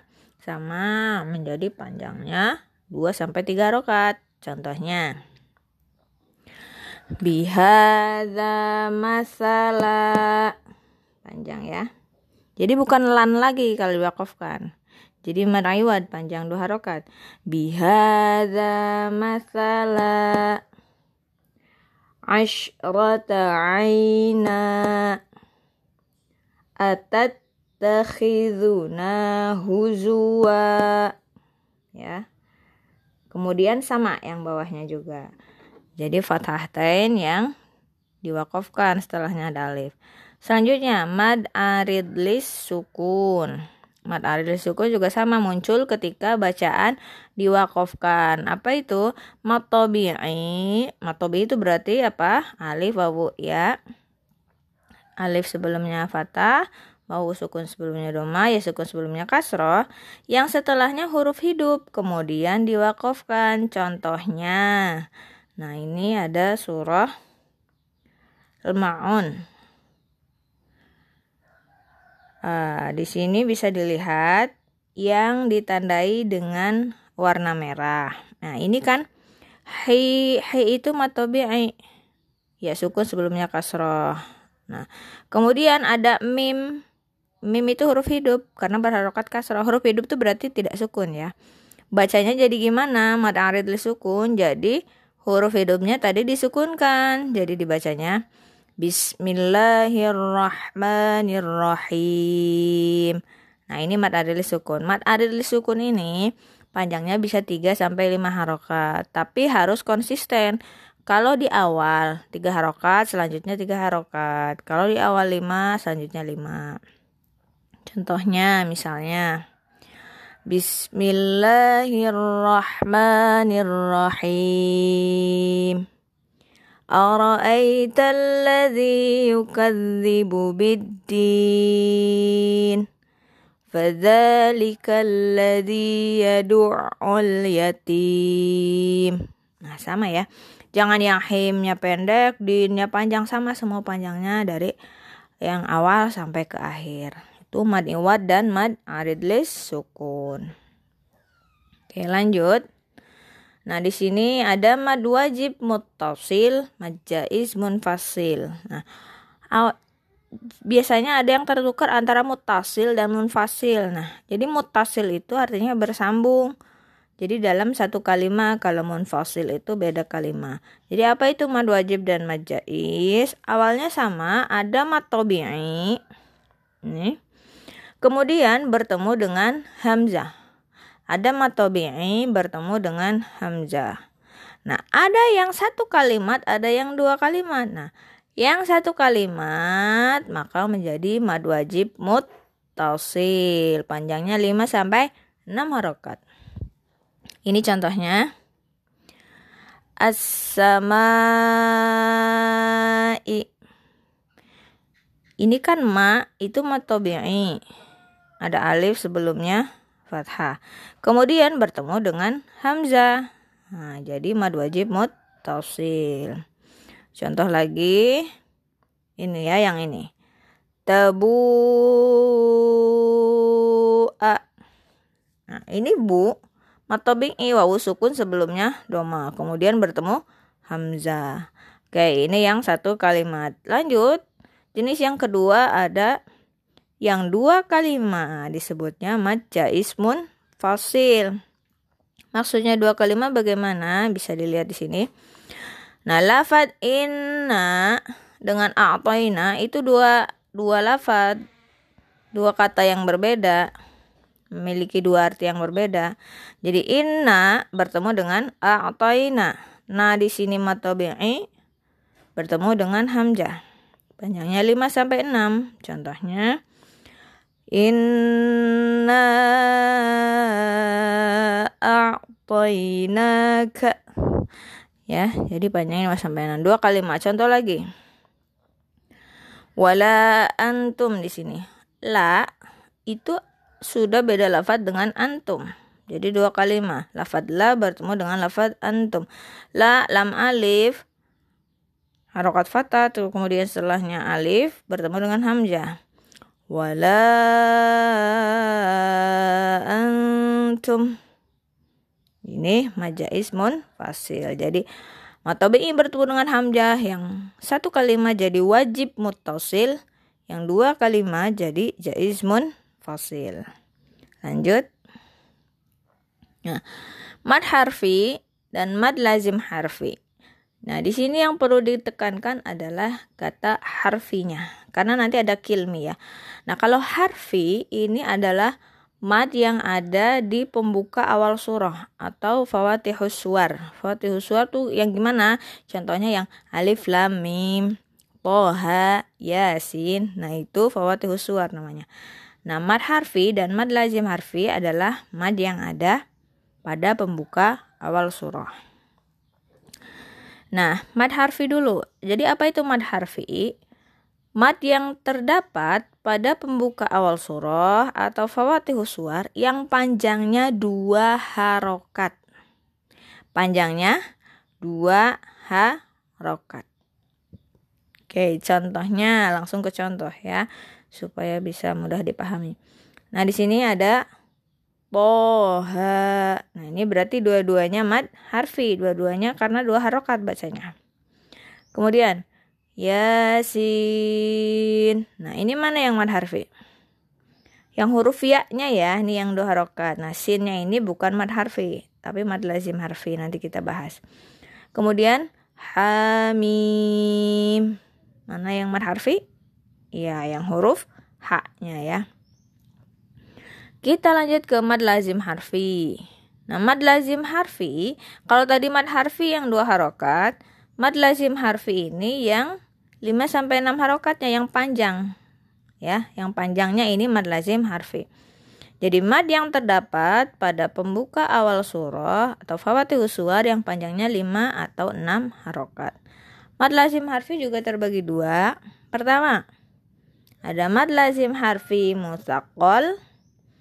Apa itu musakol? Itu artinya berat ya. Nah, nanti soalnya yang jenis keduanya kan ada mukhaffaf. Ya, ini yang pertama musakol.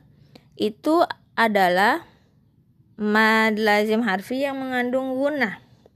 Contohnya gimana maksudnya? Nah, kita contoh di sini lafadznya alif lam mim kemudian ada to sim mim jika kita uraikan huruf-huruf ini maka terdapat huruf alif ini kemudian lam ini kemudian bertemu dengan mim.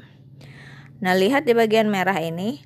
Ini ada mim sukun lam bertemu dengan mim. Nah di sini kan berarti ada hukumnya gunnah. Nah, ini berarti mengandung gun. Nah, makanya bacanya alif kemudian lam la nya 6 harokat kemudian gunah dulu tiga harokat baru baca mimnya. Contohnya alif lam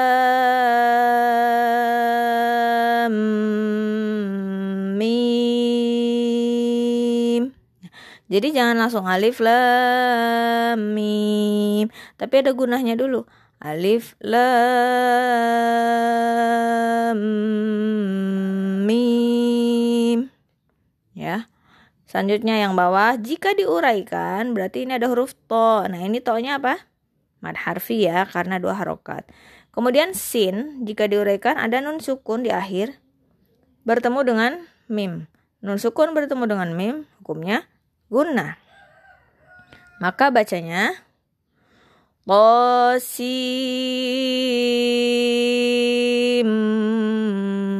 mim. Jadi sebelum ke mim ada gunahnya dulu. Jadi jangan tosin mim tapi guna. Qasim mim. Itu ya. Lanjut, mad lazim harfi mukhaffaf. Nah, kalau tadi musakal mengandung guna, kalau mukhaffaf tidak mengandung guna. Nah, yang jadi catatan di sini, kalau di akhir hurufnya berarti itu sudah pasti bukan musakol karena tidak bertemu dengan huruf apa pun setelahnya. Contohnya ini yasin. Sin di akhir tidak bertemu dengan apa-apa. Sudah pasti ini mad lazim harfi mukhaffaf. Lanjut. Ain sin kof. Nah, di sini diuraikan coba. Ain diakhiri nun sukun bertemu sin. Nun sukun bertemu sin, gunah bukan? Bukan ya ikhfa. Nah, kalau ikhfa itu tetap saja bukan musakol tapi mukhaffaf. Yang musakol itu hanya yang gunah. Kemudian sin diakhiri sukun bertemu kof, gunah bukan? Bukan, sama ikhfa juga. Berarti ketiganya ini adalah tidak mengandung guna, tapi tetap harus ada dengungnya. Contohnya, aing. Hmm, jadi setelah enam, kemudian dengung baru sin. Aing sing kof gitu ya bacanya.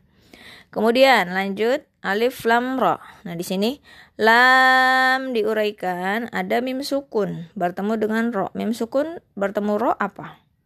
Idhar ya, harus jelas. Berarti tidak ada guna. Berarti lamnya ini mad lazim harfi mukhaffaf.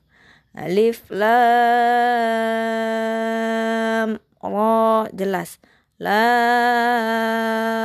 ro itu. Oke, okay. ngerti ya? Lanjut. Kalau tadi, nah ini kalau tadi mad lazim harfi, sekarang ada mad lazim kill mi. Nah, dari e, namanya saja harfi, oh, berarti tadi per huruf yang ada di fawatihus suar. Sedangkan kilmi adalah bentuknya kalimat. Tahu lafad yang memiliki arti. Oke, di sini mad lazim kilmi juga terbagi dua.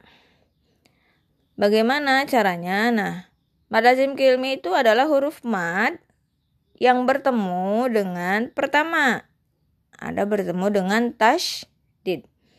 Ber, kalau bertemu dengan tasdid, tasdid itu kan bacaan yang ditekan, yang berat, makanya disebutnya mad lazim kilmi musakol. Huruf mad bertemu tasdid. Nah, biasanya kal, eh, yang selalu setiap hari kalian baca ada di surah Al-Fatihah. waladdo do-nya itu kan mad tabi'i kemudian lamnya kan bertasdid waladdallin nah itu mad lazim kilmi musakal mungkin setiap hari kalian baca tapi belum tahu madnya itu hukumnya apa. Nah saya berikan contoh lagi yang lainnya di sini contoh bacaannya. Ini dilihat yang berwarna merah. Mad lazim kilminya mana? Ini yang merah ini. Ad-dawabi Nah, jadi dibaca dulu 5 sampai 6 harokat wa-nya, kemudian ba-nya ditasdid ditekan. Inna syarrad dawabi indallah. Kemudian yang kedua. Nah, ini ini matobinya harokat berdiri ya. Tusyaquna الذين كنتم تشاقون فيهم ini ya Nah, kalau yang bertemu tasdid tadi, kilmi musakol, kemudian ada yang bertemu dengan sukun, namanya mad lazim kilmi mukhaffaf. Nah, kalau kilmi mukhaffaf gampang sekali cirinya karena hanya ada satu bentuk. Nah, ini contohnya. Nah, Bentuknya cuma ini aja. Kalau bacaannya ini, itu sudah pasti mad lazim, kilmi, mukhaffaf. Cara bacanya gimana? Jadi panjang dulu. Nah, ini kan mad. A. A hamzahnya kemudian bertemu dengan lam sukun. Al ana ya ثم إذا ما وقع آمنتم به الآن وقد كنتم به تستعجلون ini bentuknya lazim kilmi mukhaffaf udah satu ini aja lanjut Selanjutnya ada mad farqi. Nah, ada sering uh, mungkin ada yang tertukar antara mad lazim kilmi mukhaffaf dan eh, kilmi musakol dan mad farqi. Bedanya apa? Kayak tadi uh, mad tabi sama mad badal. Kalau mad lazim kilmi musakol itu setelahnya tasjid, tapi bukan hamzah. Nah, kalau mad farqi itu se sebelumnya hamzah. Tapi ada kekhususan karena ini hamzahnya hamzah istifham. Nah, mad farki di sini lihat dulu deh e, penjelasannya. Mad farki adalah bertemunya hamzah istifham atau hamzah kata tanya. Jadi kalau hamzah kan udah belajar intensif kan?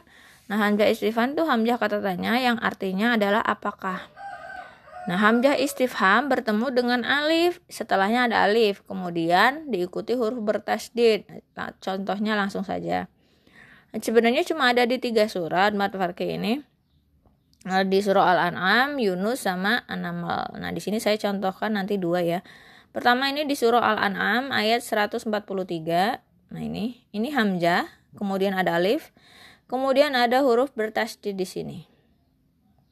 Bedanya sama mad lazim kilmi musakol. Kalau mad lazim kilmi musakol sebelumnya bukan hamzah. Kalau ini hamzahnya hamzah istifham.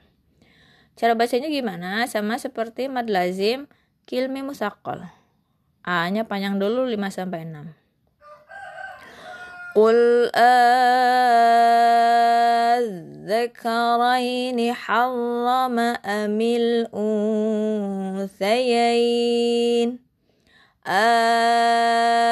الذكرين untuk membuktikan apakah ini hamzah istifham saya juga berikan di sini e, terjemah dari ayatnya. Ini terjemah dari Al-An'am ayat 143 di lafaz tersebut artinya Kul katakanlah ini apakah dua yang jantan?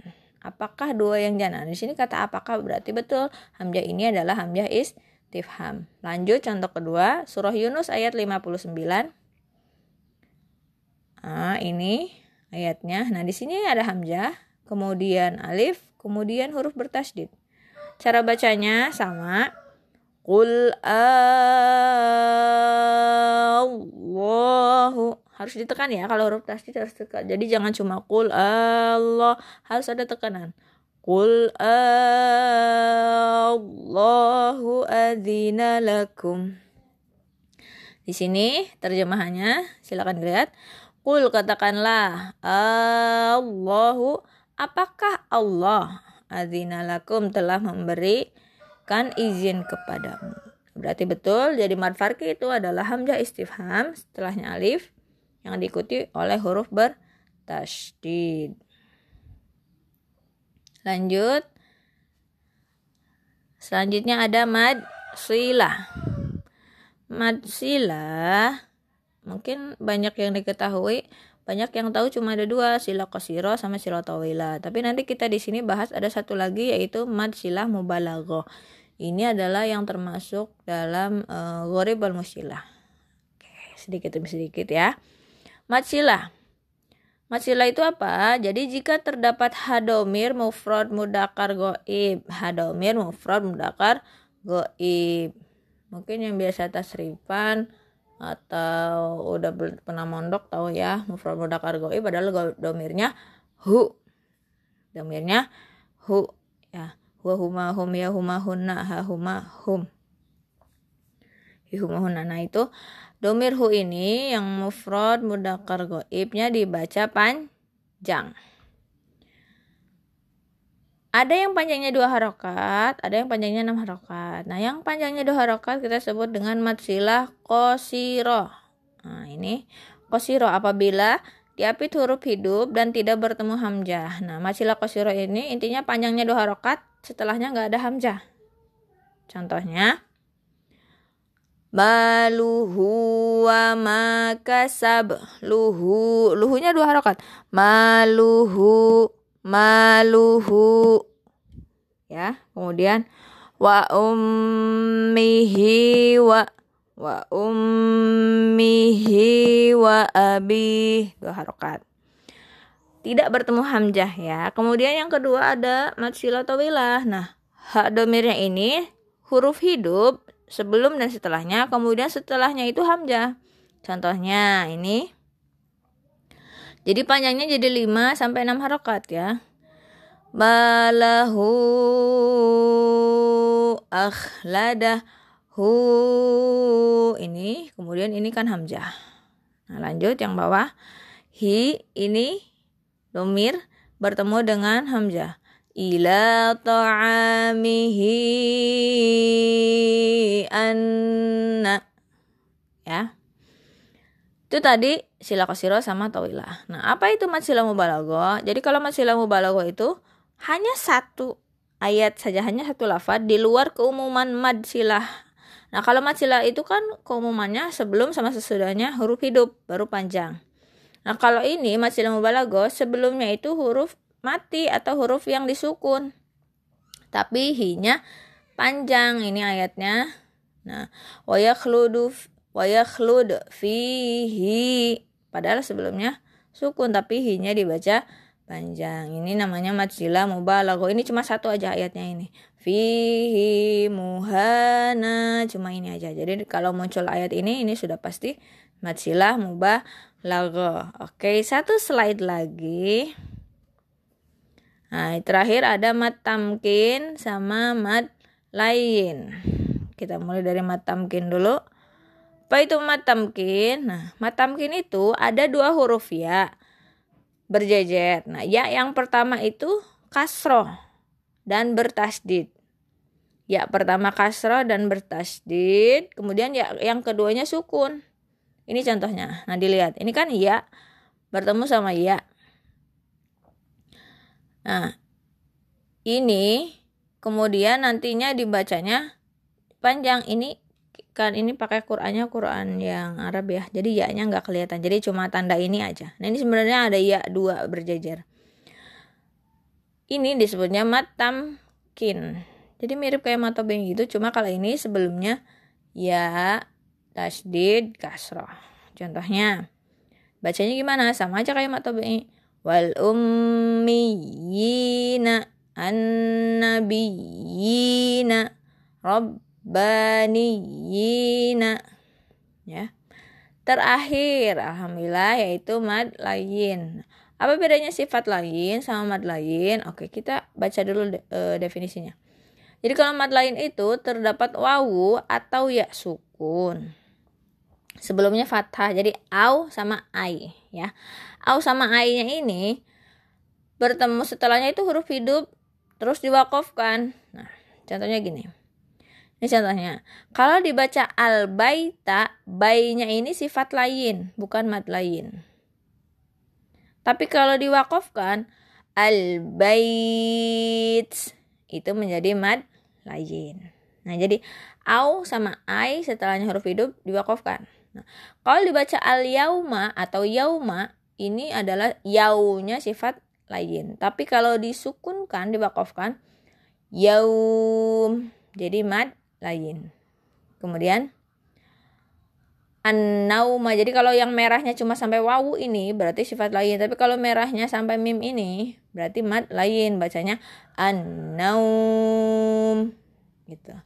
Terima kasih pembahasan yang sangat panjang. Silakan diulang-ulang kalau masih ada yang belum paham. Mudah-mudahan bisa dipahami ya.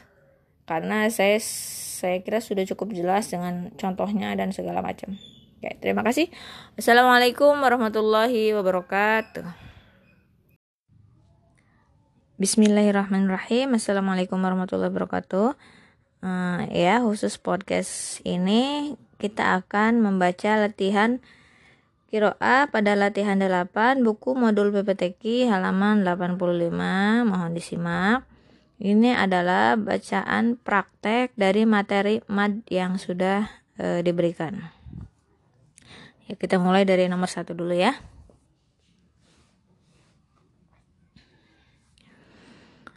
أعوذ بالله من الشيطان الرجيم بسم الله الرحمن الرحيم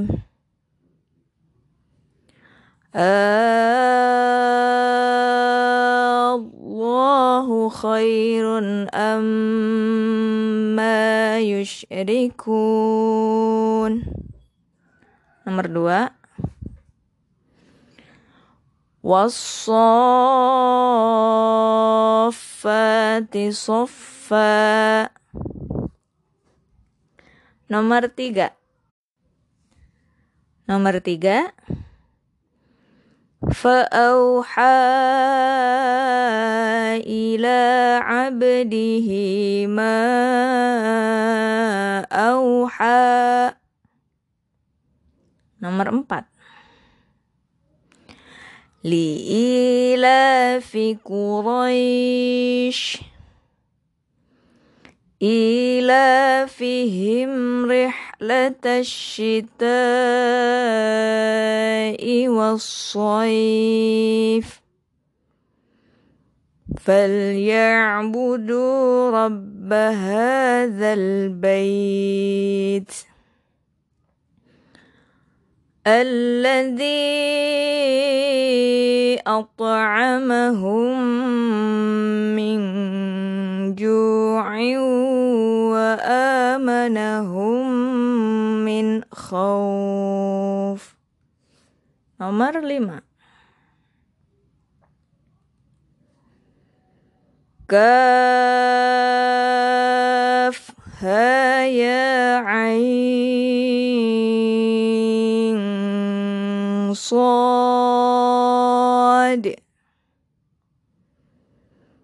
ذكر رحمة ربك عبده زكريا Ini harusnya wakafnya di sini ya. Ini salah. إذ نادى ربه نداء خفيا Nomor 6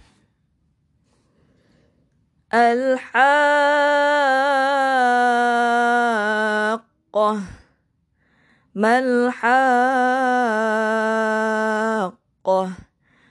وما أدراك ما الحاقة Nomor 7 Alif Lam Mim. Allahu la ilaha illa huwal hayyul qayyum Sekian untuk latihan kiroah eh, 8 halaman 8 85 dari modul PPTK. Mudah-mudahan e, bisa diikuti. Alhamdulillahirrahmanirrahim. Wassalamualaikum warahmatullahi wabarakatuh. Bismillahirrahmanirrahim. Assalamualaikum warahmatullahi wabarakatuh. Di pertemuan ke-11 ini kita masih mempelajari ahkamul tajwid yang seharusnya dikasihnya itu sebelum mad, tapi nggak apa-apa karena ahkamul madnya sudah e, kita mundur sedikit ke halaman 58 di modul PPTK. Di situ bisa dilihat ada ahkamul mimis sakinah. Jadi ada beberapa part kita bahas di video kali ini ada hukum mim sukun, hukum idgom, hukum ahkamul ro, sama satu lagi kolkolah. Ada empat ya. Oke, langsung aja kita mulai dari hukum mim sukun, ahkamul mimis sakinah. Nah, yang perlu diingat dalam hukum mim sukun itu adalah huruf mim dan ba. Udah, dua itu aja. Jadi kalau selain bertemu mim dan ba, mim sukun itu dibacanya jelas. Langsung aja kita ke yang pertama. Ikhfa syafawi. Nah, ikhfa syafawi ini ada uh, hurufnya cuma satu, ba, ikhfa. Nah, dari mana namanya saja ikhfa berarti bacanya itu harus samar. Berbeda dengan iklab ya. Kalau di iklab itu langsung memasukkan uh, huruf ke mim. Tapi kalau di ikhfa syafawi itu bibirnya jangan rapat, tapi agak renggang karena samar.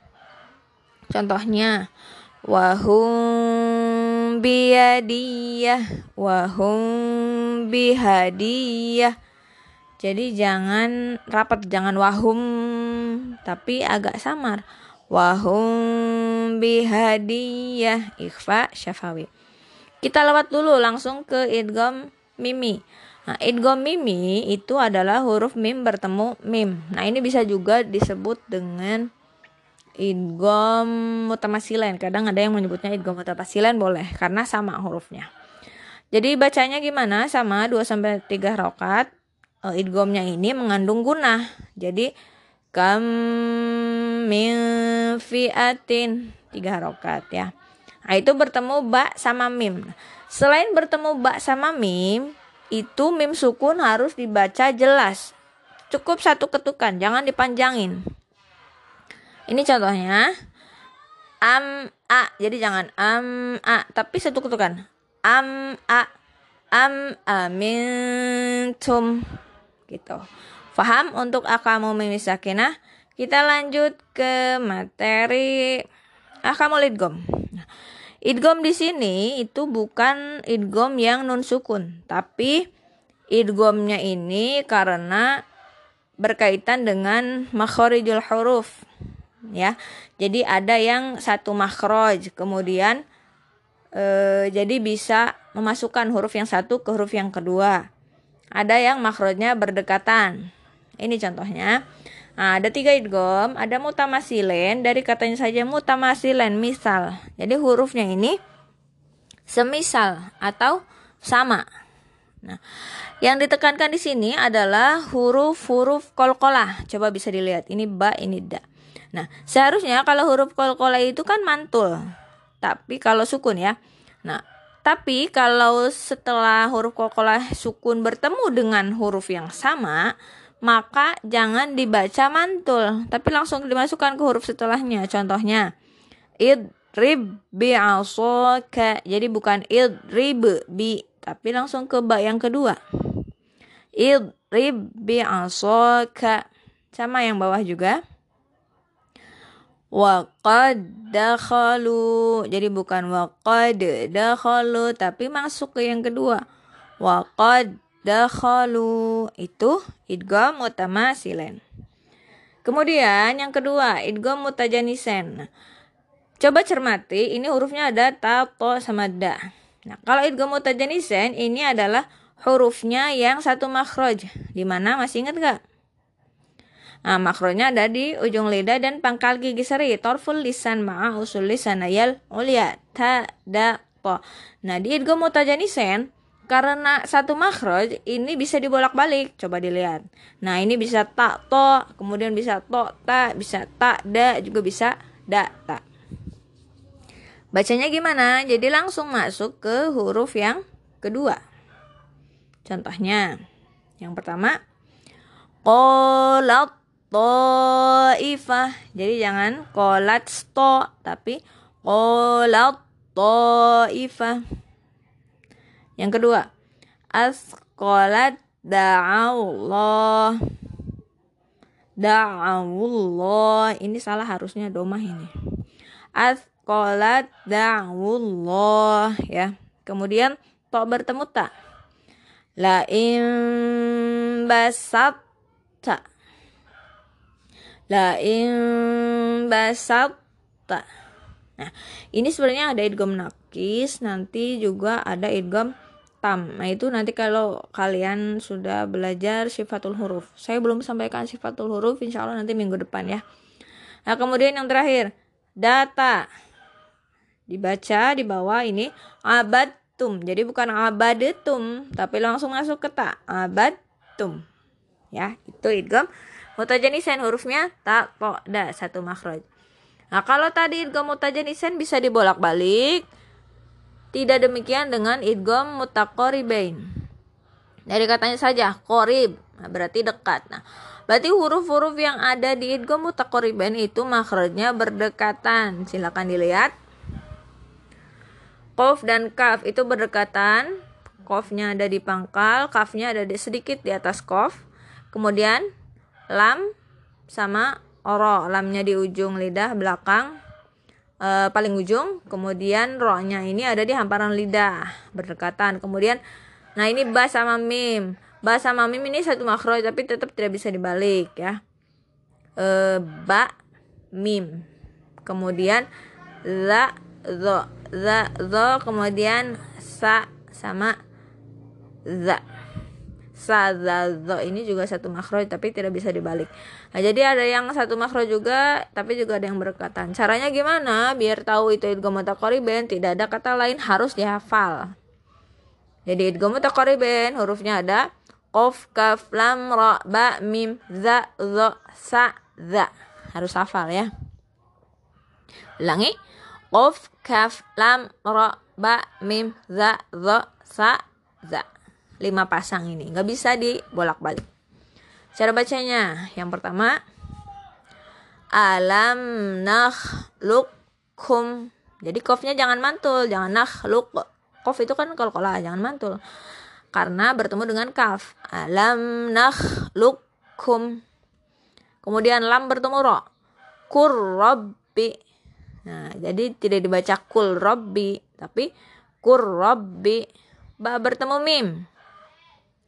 Irkam ma'ana, bukan irkab ma'ana ya. Habis belajar ini harus tahu ya. Irkam ma'ana. Kemudian za za. Izzolamu. Ini karena mirip ya, sama. Kemudian yang terakhir, yal hazza. Langsung huruf za tidak usah yalhas lagi tapi yalhadzalika itu itu tiga macam idgham bukan karena nun sukun tapi karena makhraj. Yang sama atau makhraj yang berdekatan. Lanjut. Nah kita ke ahkamur ro. Ini cara baca ro itu ada tiga. Setahu kita kan biasanya ada dua ya cuma tarkik sama tafhim. Tapi juga ada jawazul wajhain. Jawazul wajhain itu apa? Jadi e, ro-nya itu bisa dibaca tarkik bisa juga dibaca tafhim Nah, yang bisa dibaca jawazul wajhain ini lagi-lagi berkaitan dengan sifatul huruf. Jadi kalau ro bertemu dengan huruf isti'ala. Nanti kita bahas ya huruf isti'ala itu apa aja. Nah, ro-nya itu bertemu dengan huruf isti'ala. Huruf isti'ala itu ada tujuh dikumpulkan dalam khussadagtin qid. Khussadagtin qid. Kha sad dad ghin ta qaf sama dha. Nah kalau ra sukun sebelumnya kasroh nah kemudian setelah ra sukunnya itu ada huruf isti'la itu boleh dibaca tafhim boleh juga dibaca tarqiq. Nah, kalau di sini contohnya ini masuk ke tafhim padahal ini boleh karena ini buku yang e, lama ya modulnya bukan yang baru. Kalau yang baru yang cetak itu sudah diperbaiki. Nah, ini contohnya kirtosin. To-nya kan huruf isti'la. Nah, ro-nya ini boleh dibaca tafhim, boleh juga dibaca tarqiq. Jadi, boleh kirtosin tipis, boleh juga kirtosin tebal gitu. Jadi ada tiga cara baca, ada tarkik, jawazul wajhain, dan tafhim. Nah, kapan dibaca tarkik? Itu ada lima keadaan. Ro harokat kasroh, ro sukun sebelumnya kasroh, ro sukun di akhir. Nah, setelah huruf sukun yang sebelumnya kasroh, maksudnya contohnya, nah ini, adzikr. Ini kan ro sukun yang di akhir ini, sukunnya itu karena wakof, diwakofkan. Jadi dibacanya sukun. Adzikr ya. Asalnya misalnya adzikro tapi disukunkan jadinya adzikr ya. Hijr. Jadi hijr contohnya lagi.